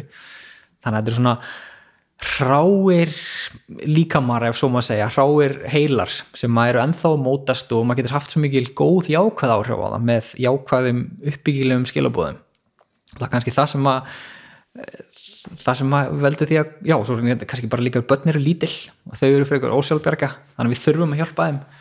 Og það er kannski bara þetta inn í manni sem að veldur því að mér langar hjálpa þeim. Já. það er meira svona fóringja fyrirlega elementi er heldur um að geti kannski haldið. Þú ert alveg svona, þú ert alveg á missjóni að fá fólk með þér. Já, já, já og það er kannski þessuna sem maður oft fengi til þess að vera í stjórnum félaga eða beðinum og koma í stjórnin einhverju félaga. Já, alltaf sé þetta vinalega fas sem er að feika þetta. Maður er svona einhvern veginn þess að alveg durtur inn við Já, beðin já, svona, þú veist, kannski, þú veist, þú, Já. ert alveg baráttu maður svolítið, já, og kannski stundum situr maður ekki alltaf sjálfan ef einhver þarf að borga eða eitthvað þannig þá fyrst borga í öðrum árin ég verðlunum sjálfan mig. Já, já, og það er bara kannski þannig sem maður er innréttaður ég Já. veit ekki, þetta er bara eitthvað. Hva, eh, þú sem þetta svona íþróttamæður og nörd og svona hvernig voru það unglingsáring, varstu unglingur? Eh, ég var skrítinúlingur þegar að skólafélagi mínir fóru út í sjoppu til þess að prófa reykja og prófa að taka í nefið og vöruna og allt þetta sem fylgir því að vera unglingur og prófa eitt og annað Aha. það er enga þörf fyrir því og ég bara lá frekar í kraftgalanum mínum úti í snjónum í garðinum með handkíki að skanna heiminin sko og fara sér inn og reyna að þýða bóka því mér langar svo mikið til þess að læra að lesa enskar bækur sko. Hafði fólk ekkert áhyggjur af eða? Nei, alls ekki, af því ég átti líka þessa íþróttavinni sko. Já, já, þú varst og- alltaf full í því Já, þú veist, ég var bæði sem sagt félagslindur á þann hátt en hafði hins vegar enga þörf fyrir því að fara á böll eða fara út með vinnum að gera eitthvað sem maður átti ekki að gera eða eitthvað þannig þannig að alltaf bara eitt frítímanum mínum í nördaskapin og svo hérna skólatímanum og íþróttunum, ég gera bara það sem maður átti að gera þar. Þú veist, ég prófaði aldrei að taka smók prófaði aldrei að reykja, aldrei nokkuð tíma prófaði að taka inn einhver eiturlif ég byrjaði ekki að drekka áfengi fyrir en ég var 26 ára. Og vantarlega þá bara þeim ástæðum að fá að njóta einhverja listisemda. Já, bara þegar maður lærir það líka þú veist að fólk til dæmis þegar býr til vín að það, þá er ég að smakka jarðvegin, ég er að smakka veðrið, ég er að smakka handbræðið, söguna þá verður þetta svona svolítið starra þá er þetta einhver tilgangur. Og tilgangurinn var ekki að vera fullur.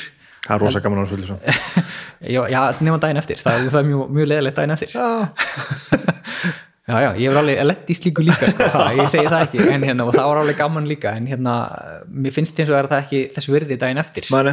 Eh, þannig að ég nota áfengi til þess að njóta þess engungu, þar að segja gera til dæmis mat betri eða eitthvað þeim teimdúr þannig að bara eitt glas með mat, fínt frábært Já. og enga þörf fyrir meira sko. þannig að sem, allavega sem betur fyrir virðist ég ekki hafa þetta uh, svona hvað, hvað kallar maður þetta svona, mm, svona áfengi síki sken eða eitthvað, eitthvað svoleið sko. eða fíkni, fíkni gen sem betur fyrir Nei, en, en þú veist samt einhver, einhver fíkn í, þú veist, eins og þú veist að segja þú gengur mjög langt með hlutina Já, það, ég þekki sjálf með það vel að ég gæti þess að eignast ekki of mörg áhugamál og líka þekki mig það vel að ég gæti þess að uh, sína hófsemi þegar, þegar ég þarf að sína hófsemi sko. Já, ok. Og það er alveg erfitt, bara eins og að fara á veitingastað. Mér langar að smaka allt á matselinu Já, já, já, ég hef já. borðaði yfir mig og liði bara mjög illa eftir það. Af því að mér finnst svo gaman að smakka þetta og, og gaman að borða. Og er það bara svona, bara svona fróðulegs fyrstn einhver eða Já, ég, alveg örglega, mér langar að fara inn í eldhúsi og fylgjast með kokkinum, sko, matra. Og hugsaðu þetta í raun og veru? Já, ég hef, er, er að taka upp þætti núna sem heita hvað getum við gert? Fjallum lausnir við umhverfis og loftslagsvandanum. Og einum þættinum þá voru að tala um matarsóun og ég veit að Gunnar Karl á Dill er náttúrulega svona kokkur sem reynir að nýta hráfnin sem allra allar best og henda sem minnstu. Já, þannig að fyrsta sem kemur í hugan hei, þetta er leið fyrir mig til að kynna Gunnari Karli og fylgjast með hann og læra, læra smá af hann og bara frábært hann var til í það þannig að ég fór með hann um fjöruferð og ég lærði ekkert smá mikið af því já, já, já. með einhver svona töfrabrögð í matnum hans sem að finnast bara hérna í fjörunni sko. og ég vissi ekkert á því Vá. þannig að hérna, mann reynir að nýta þennan áhuga í að kynnast fólki sem er framúrskarandi í einhverju og læra af því og vonandi geti miðlað einhverju frá, frá mér til þeirra líka þannig að allir njóti góðs af sko, svona vinn-vinn fyrir alla Nærðu að slappa af nei, já, rosalega er með að slappa af Já, það er, já, að því að, að að þú ert greinlega góður að nota listisemda og, og veist hvað þér finnst í raun og veru Mhm. -hmm. en, en maður les svona svolítið í gegnum þetta að þú, þú, þú getur eiginlega ekki farið hugsunarlaust inn í eitt eða neitt. Það þarf alltaf að vera eitthvað. Já, það er alveg rétt. Og uh, ég held að rót vandans þar er svo að ég hef alltaf verið sannfærum það ég eigi að líf mitt verði ekki nú langt til þess að ég geti prófað allt sem ég langar að prófa og hérna skila öllu því sem ég langar að skila Já. til annara og ég veit alveg að stundum á ég bara að hæja á mér. Þetta skiptir ekki svona miklu máli. Því ég er ekki ómissandi sko. En hérna það kemur alveg pottit einhver annar sem fjallar nákvæmlega sumu hluti bara á annan hátt þegar yfir líkur hjá mér. En þessi fanatíski áhugi stundum á hlutum þar sem að sekkur srónum, ég finnst það bara gaman sko. Og ég á mjög erfitt með að slappa af. Já, uh, besta leiðin fyrir mig að slappa af er einmitt, einmitt svo bara setjast mér fannst þetta rosa gott að fara einn bíó. Þá er ég ekki með síman á mér Já. ekki neitt að ekki trúfla mig, ég bara horfa á myndina og gera ekki neitt annað. En þá ertu hreinlega í verkefni að fara og Já. gera ekkert annað. Ég þarf að setja mér það verkefni að gera ekki neitt. Og það getur verið erfitt. Og þú nær ekki eins og þú tala með matinn að setjast bara niður með ógeðslega góða mat ógeðslega gott vín, þú ert alltaf að velta þig fyrir hvaða víni kemur og hvernig maturinn var elda Já, ég þarf alltaf að pæli því líka sko. það er bara reyndar gaman og afslappandi í sjálfur sér já, já, þá er maður svona einhvern veginn í sínu eigin seni bara eða núi að pæli því hvaðan víni kemur eða hvernig að bræðast með þessum mat og, og hérna eh, elda kannski er leiðin til þess að slaka á Ó, ég þarf að læra að elda, djúvilir í fokkleilir í er, elda það er svo gaman já, ég er nefnilega aðeins að þegar kona mín er ógeðslega góð í því sko. svona náttú, náttúrulega góð í því sko. -hmm. þannig ég er fyrsta lagi vannmáttugur sko, að ég geti þetta ekki og öðru lagi með brjálæðslega minnumáttukend sko. Já, að maður þarf að komast yfir það sko. Ég þarf að komast yfir það. Já, og þetta líka, hvað gerist þegar maður klikkar? Þú veist, maturinn verður bara ekki góður og það er, það er engin skæði skýður Nei, ég er svo einföld sál sko, þá nenni ég ekki að gera aftur sko. þá bara svona, að, að gerum þetta bara einhver annar Ah, ég skil, en þá, þá lítið á þetta sem þú veist, þetta eru mistökin einmitt sem að ég er að læra af sko. einhvern tímann gerði ég svo, djúvill að ég að tilíka með það sko. Já, einhvern veginn gerði ég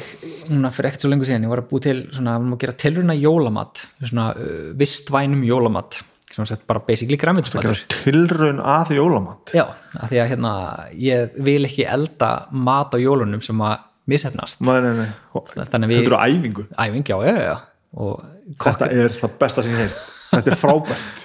Já, já, maður, það er bara besta leiðin. Þá fínt að gera mistökin þegar maður gerir æfinguna en ekki, það er verra að gera mistökin þegar þú átt að njóta matarins til fulls.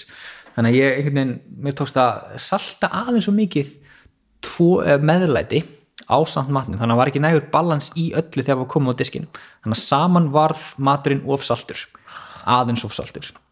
Þannig að í leiðbyrningurum sem ég skrifa fyrir sjálfum mig þá, ok, sleftu því að salta þennan, að því þá ertu komið með rétta balansin í öllu með meðlætinu. Þá bara búin að læra það, frábært. Tjúsins, vinna er að vera þú maður. Nei, nei, þetta er bara það sem maður veitir ham ekki ánægju, sko, þetta er úrlega gaman. Og maður læra svo margt af þessu. Ertu kærleis með eitthvað? uh, Já hvað er ég kærulus með? Um, það þyrfti einhver annar að svara þessu. Ég er alveg pott, þú segir samt já? Já, já, já, pottitt ekki Ok. spurning hvað, já, en ég þyrfti kannski að hugsa, hugsa það eins ég, kannski, ég er kannski bara kærulus í eldursinni þar að segja að mér er alveg sama þótt að hlutunum misefnist Já, ég er kannski ekki þann, þannig kærleisi þú, þú, þú vaknar ekki hérna allt í ah shit, ég átt að ringi í bankan fyrir fjórum Jú, jú, jú, ok, ég reynda að veit það alveg. Ég hef sjúklega nótt að við tannlækna þannig ég dreg alltaf fram í lengstu lög að fara til tannlækna Það er samt einhver ótti, það er ekki mitt kærleisi er það ekki kærlega líka.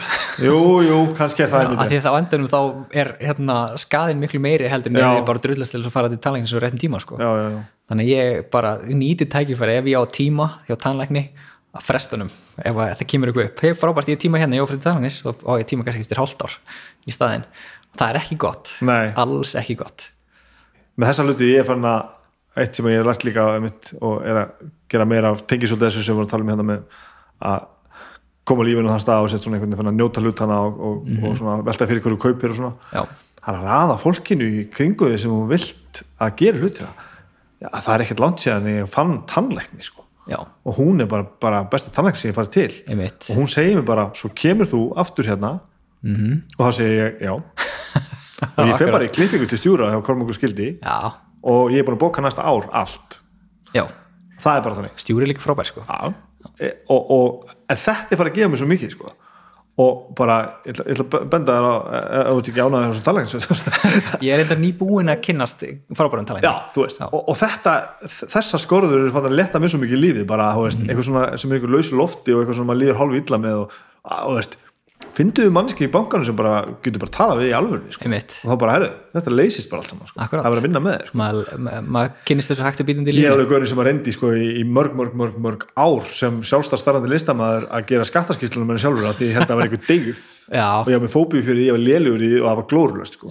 Svo fann ég bara mann sem að veist, gerir þetta og gerir þetta vel og allir græða og bara, hvað er ég að hugsa þegar maður er frílanser þá er það bestu fjárfesting sem þú gerir að fá það góðan endurskoðanda Já, bara allt sem að þú, þú ert ekki góður í það er fullt af fólki sem að, sko, finnst þetta frábært að gera þetta Mhm. og þegar þetta er gert vel, þá græða allir sko. Já, já, þetta er bara, akkurat. Þetta er þetta er bil Hva, hvað, er hvað, er, hvað er næst? Hvað ert að gera? Þú ert að gera einhverja þáttaröðu Uh, já, ég er að fara að gera ímislegt á næsta ári. Uh, ég er að gera þáttur sem, sem, sagt, sem heitir Hvað getum við gert? Og fjallar um uh, lustnir við umhverfis og loftslagsvandanum sem við glýmum við. Er það sjónvarp? það er sjónvarp, uh, þætti sem verður rúf á, á næsta ári. Ert að vinna hjá Rúf? ég, Já, ég er að vinna hjá rúf og reynda hjá mörgum. Ég er svona verktakif á mörgum stöðum hún er, ég myndi kalla það bara vísindamiðlun. Og vísindamiðlun sem er þá fólkin í því að vinna hjá RÚF við það að miðla vísindum í gegnum til dæmis nýjasta teknum vísindi. Við ætlum að gera aðra sérið þar á næsta ári. Sem að tókstu rosalega vel Já, frábært maður. Takk fyrir það. Það var til dæmis draumur sem ég leitt ræðast því ég var ungur þá að skrifa inn í lista af hluti sem ég vildi gera og var byrjað svolítið í þessum miðlum. Og bara ok, ég ætla að skrifa bækur, flott, komið. Ég ætla að vera mútarsætti, flott, komið. Ég ætla að vera með sjónvarsætti um vísindi, flott, komið líka. Að hérna er stótt inn um vísindi sko. Já, akkurat, ó, akkurat. Uh, sagt, Þessar tvo uh, þætti uh, svo var mér bóðin vinni á umhverjastofnun við að vinna við miðlun þar. Þannig ég ætla að gera það líka á næsta ári. Taka upplýsingar um loftlasmál og miðla þeim til hagaðala líka og mismandi aldurshópa þannig að því að maður talar ekki eins við leikskólabörn um umhverjasmál eins og maður talar við fullorðið fólk um umhverjasmál þannig að hérna, ég ætla að fá þá áskorun líka á næsta ári. Svo ætla ég að fara í fæðingarólof að hluta til á næsta ári. Uh, og bara halda áfram að reyna að láta gott að mig leiða. Einhvern veginn þar. En þarna kemur alveg inn það sem við erum búin að tala um núna undarfærið að þú ert alveg ráðin í vinnu af því að þú ert góður í að miðla hlutunum til misjafra hópa. Já, Já, já, í fyrsta skiptu á æfinni sótti ég um vinnu um, Já, þú sóttir um það Nei, ég, ég sótti um vinnu en aðra vinnu sko. Og ég fekk hana ekki því ég náttúrulega mér vantaði, ég vantaði líka prófið upp á þá vinnu en ég bara prófaði að sækja um bara að sjá hvort fengi viðtal og svona sko. Og það meira svona akademíu Nei, jobb það, var hjá umhverfstofnun reyndar. Já. og hérna, ég fekk ekki það starf sem ég reynda mjög fegin Nei, ég er að meina, var, það, var svo starfslýsing, var það meira svona ak akademíst Já, já, hún er svona meira að þú þurftir að hafa bakgrunn í umhverfsfræðum helst eða eitthvað svo leið sko. Ok. og líka í minna mjög stór gagnasöfn. Þannig að ég fekk ekki þá vinnum að búið önnur vinna í staði Já, og hérna já, þannig að, og mér stað fínt. Þannig að bara skemmtilegst sem ég geri er einmitt að þetta er kannski listamannsæðlið, maður þarf að hafa svolítið svona mörg mismöndi verkefni í gangi hverju sinni ég er ekki þessi 9-5 skrifstofublók Nei. fæ bara leið á því eftir tvær ykkur sko ertu að segja sér listamál? Eh, Nei, en ég, ég, ég sagði, ég er óþjóðlega lókiskur eins og vulkani, Já. en það er einhver svona listatög í manni sem veldur því að maður er stundum svolítið út um allt, Já. finnst gaman að vera skapandi, gera eitthvað nýtt og uh, tilengja sér nýja þekkingu, nýja getu einhvern, einhvern veginn þar, maður fær útrás fyrir það að raða á disk þegar maður er búið til matinn sem sko, og hérna listin sem fylgir því að búa til vín eða skapa eitthvað heima á sér sko. Ég held að ég nefnilega nákvæmlega á hinnum endanum sko. Já. Að ég, ég er djúsitt listaspýra í mig sko. ég er Mhm. endalöst með hugmyndir og eitthvað að skapa og, og verða að búa eitthvað til Mhm. og helstur ekki neinu sko. uh, en besta sem ég hef gert mér á æfinni var að ráða mig í 9-5 vinnu sko. sem ég er búin að vinna, veist, er búin að vinna pipar í 8 ár sko. Af því að ég, ég þurfti skipulaði sko ég þurfti að mæta einhver staðar á einhverjum tíma og fara heima á einhverjum á einhverjum tíma -hmm. því að ég réð ekkert við þetta að, að, að vera að vinna á einhverjum tímum fyrir sjálf á mig sko Nei, nei, nei Að- Vantaði það- einhvern smá aga eða eitthvað svo leys í það eða? ekkert smá, mér vantaði bara allan aða og þú veist, ég var alltaf með þessi rauk sko hérna, á, ég vil ekkert að vinna fyrir mannin þú veist, eða mínum tíma að þú veist að gera einhver verkefni sem að nýtast bara einhverjum öðrum sko.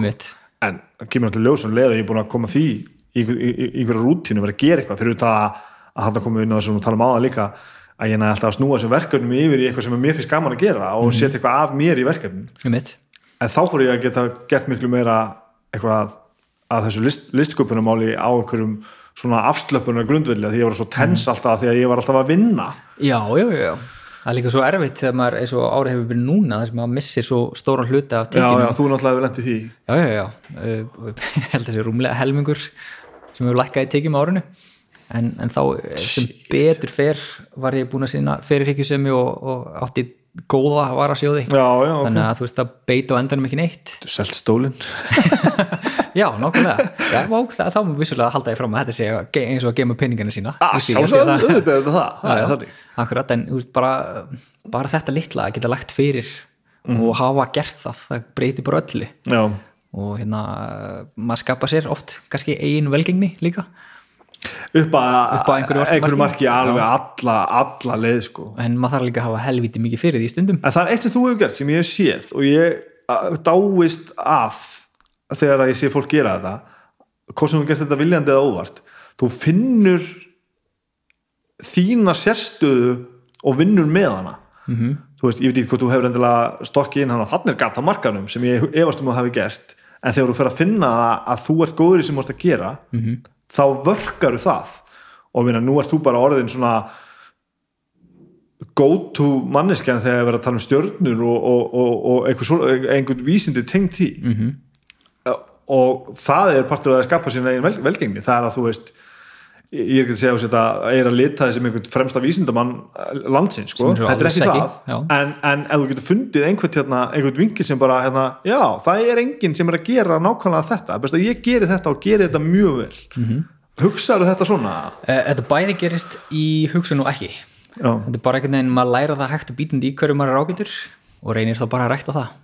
Og það, það gerist eins og ég sagði á hann óvart bara ég var einhvern veginn settur í þessa aðstöðu að þurfa að tala um vísindi í fjölmjölum og þá gerir mér snemma náttúrulega grein fyrir því að ég var að tala um fólk sem að vissi miklu minni heldur en ég og þá bara, ok, hvernig tala ég við fólk, hvernig segi ég frá einhverjum hlutum sem eru ógustlega flóknir? Og þá fyrir maður bara að pæli því hvernig maður setur hlu- hluti í samhengi og, já, já. og allt það. Og, og endanum þá þjálfast maður náttúrulega líka í því og lærir það að fólk kann að meta það þegar maður er einlægur, þegar maður er með ástriði fyrir einhverju. Og þá hrífum maður aðra með sér það einhvern veginn gerist bara óvart. Já, og e, það, það er óvart. Já, já, já. já, en eins og ég segi, ég ætlaði að vera atvinnumar í fótbolta eða, eða hérna, eða það gimfari er eða einhverjum slíkt, mjög sko. heillandi það það hefur einhvern veginn dottið í það. Já, já, man, það er einhverjum mánuði síðan að það voru tekna myndir af Venusi ekki rétt?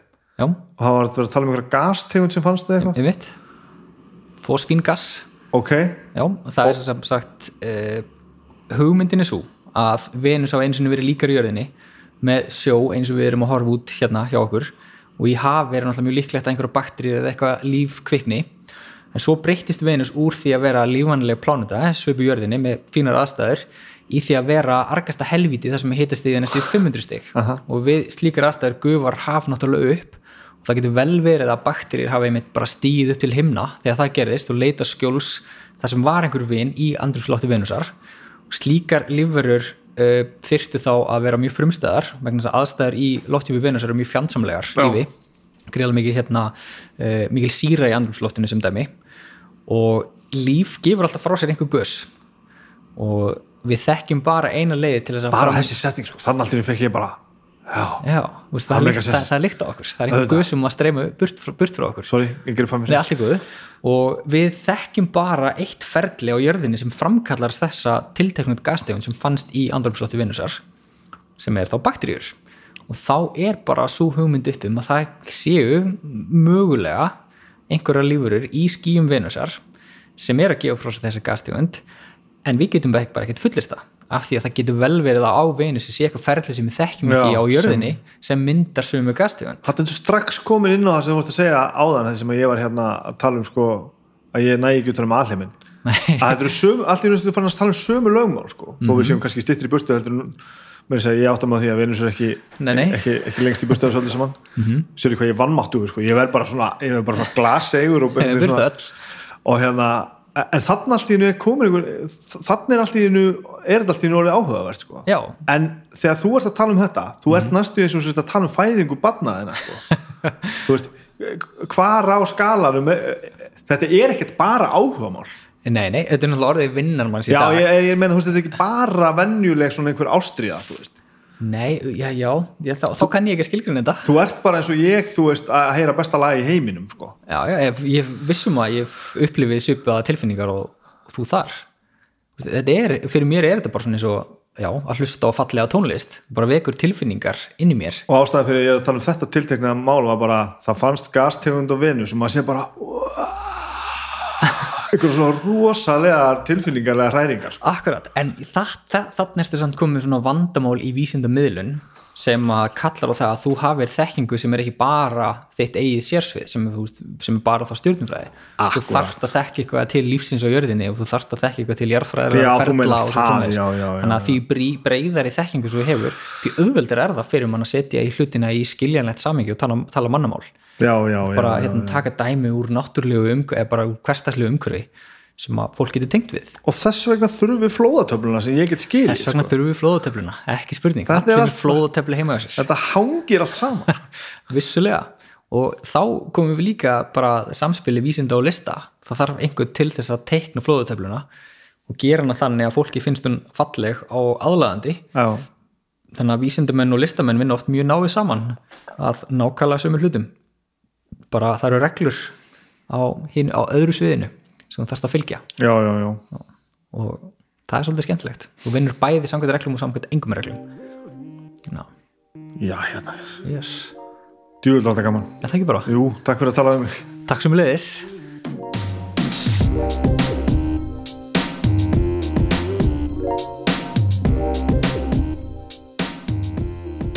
manni líður bara svolítið þessum að skilja þetta aðeins betur sem maður er búin að tala við hann þessa ótrúlega fjarlægu hluti sem að sem að maður aldrei eftir að sjá. Þetta var þetta var ég og Sævar og þetta var Hildi Lagamann og hann er hérna já, augljóslega hann er svolítið það sem að held að hann væri sinnum svona 1,5 og svo margt annað. Mikið var gaman að hann tala bara um hægindastóla. Þetta var frábært. Um, ég ætla að drefa mig eftir í vinnuna. Ég sitt hérna á vinstungunni og, og vinnið er að vera búið ah, best að ég væri og vinnið aðeins meira. Um, ég ætla nú aðeins að fá að nefna hljóðkirkjuna áður en að áður en ég hætti þessu hérna. Uh, mánundum er, er náttúrulega domstæðar ég glemdi náttúrulega að nefna það síðustu viku og það er mjög mikilvægt að nefna núna að, að, að í þessari viku sem og síðast eru því fyrst skipti fjögur. Baldur, Haukur, Birna og Eddi. Það er ansi gott uh, ansi, ansi góð blanda nema þau taka upp á því að sleppa seknum fyrir vikið, ég er ekki hrifin að því. Það þarf að hérna, taka þetta til kastana og, og, og það er svo já, ég er nú búin að nefna það hérna síðustu, síðustu vikur að, öllu þessu hljókirkjustöfi þá einhvern veginn festist ég alltaf mest bara í domstegi og ég get ekki séð að þetta séu of langir, ég heldur mig ég heldur þessu bara áfram, hafa, vera bara fjögur og, og bæta seknum við, það er allt í lagi. Kokkaflækjaði Sóla hann talaði við Röggun Nagla sem er náttúrulega mínu áhugavert og, og var auglastlega svolítið önnum nálgun en hefur verið í önnum öðrum þáttum, þó þetta sé auðvitað matatengt. Það er svo svona helsu heil, helsu tengt og, og, og svona kannski svo sá sjónarhóll og gaman að heyra hann að tala um það og þetta að borða í núvitund sem er dæmi hver fyrir sig. Ég hérna, að þetta er ótrúlega satt það má kalla þetta kannski einhverju öðru heldur öðru nafni heldur en núvitund en, en þegar það er útskipt fyrir manni um hvað ræðir þá er þetta hár rétt drauga fortíðar voru í gær. Þegar þið hlustuðu þetta voru það í gær. Já. Og þátturinn heitir Magnamara og ráðagerð 100.000 ég veit það ekki. Flósi sendi mér þetta bara. Og ráðagerð ég ætla að tóka hvað hann skrifaði hérna það er ég alveg ráðagerð 100 punktur bil 000 punktur og ráðagerð 100.000 ég veit ekki, allavega um, sá þáttur þeir segjast reynilega vilja vara við umfyllarefni þáttarins því það er svo nöttulegt að það getur reynilega farið afar illa í suma uh, lýsingin á þættinum er að árið 1966 gekk illa hjá bandarækjunum í stríðinu við Norður Vietnam og Suður Vietnamska skerulega og þörf var á fleiri hermönum en ekki verið hægt að skikka fleiri herinn á þess að allt var í bál og brand heima í bandarækjunum og þá fekk Róbert þessi Magnamara varnamára á þeirra ákvæmna hugmynd sem var hugmynd og hugdetta sem átti átti að valda ómældri þjáningu, harmi og dauða. Þannig að það er ekkert fyrir börn þarna í draugum fortíðar. Um, í dag er 15 ár þá tala ég við fólk, það er búið og á morgun eru tveir þættir það er nei hættur nú alveg með Villa Nagvit og Vigni og Önnusöfu og Baldri, þau eru gestalauðs held ég sem, endran er á meðan að COVID gengur yfir. Og í þessi blanda er góð sko, ég hlusta á mitt á síðasta þátt og skemmtilega við þetta þau eru fann að gleima sér held ég svo mikið í að, að þau eru bara fjóra að spjalla. Þau eru fann að segja sko hluti sem maður á ekkert að vera að segja held ég við almenning sem að gerir þetta náttúrulega mjög skemmtilegt. Þannig ég mæli klálega með því. Og morgun er líka besta platan og það er besta platan með The Prodigy. Og það er ég stilli því fram heiklust að það er platan The Fat of the Land. En við getum alveg tala lengi um það og eigum eitthvað að gera þannig að verið með okkur í því. Það er líka frábært. Annars held ég að sé ekki meira í bylli 2021 gengi í garð. Um, þetta er allt saman ágætt bara. Ég hef engar ágjör af þessu. Við hérna lendum þessu bara í góðum fíling og, og þetta verður stórkvöldlegt um, ég hef ekkert meira ykkur að segja í bylli, þetta var gott, takk fyrir að hlusta og við heyrjumst næst. Bless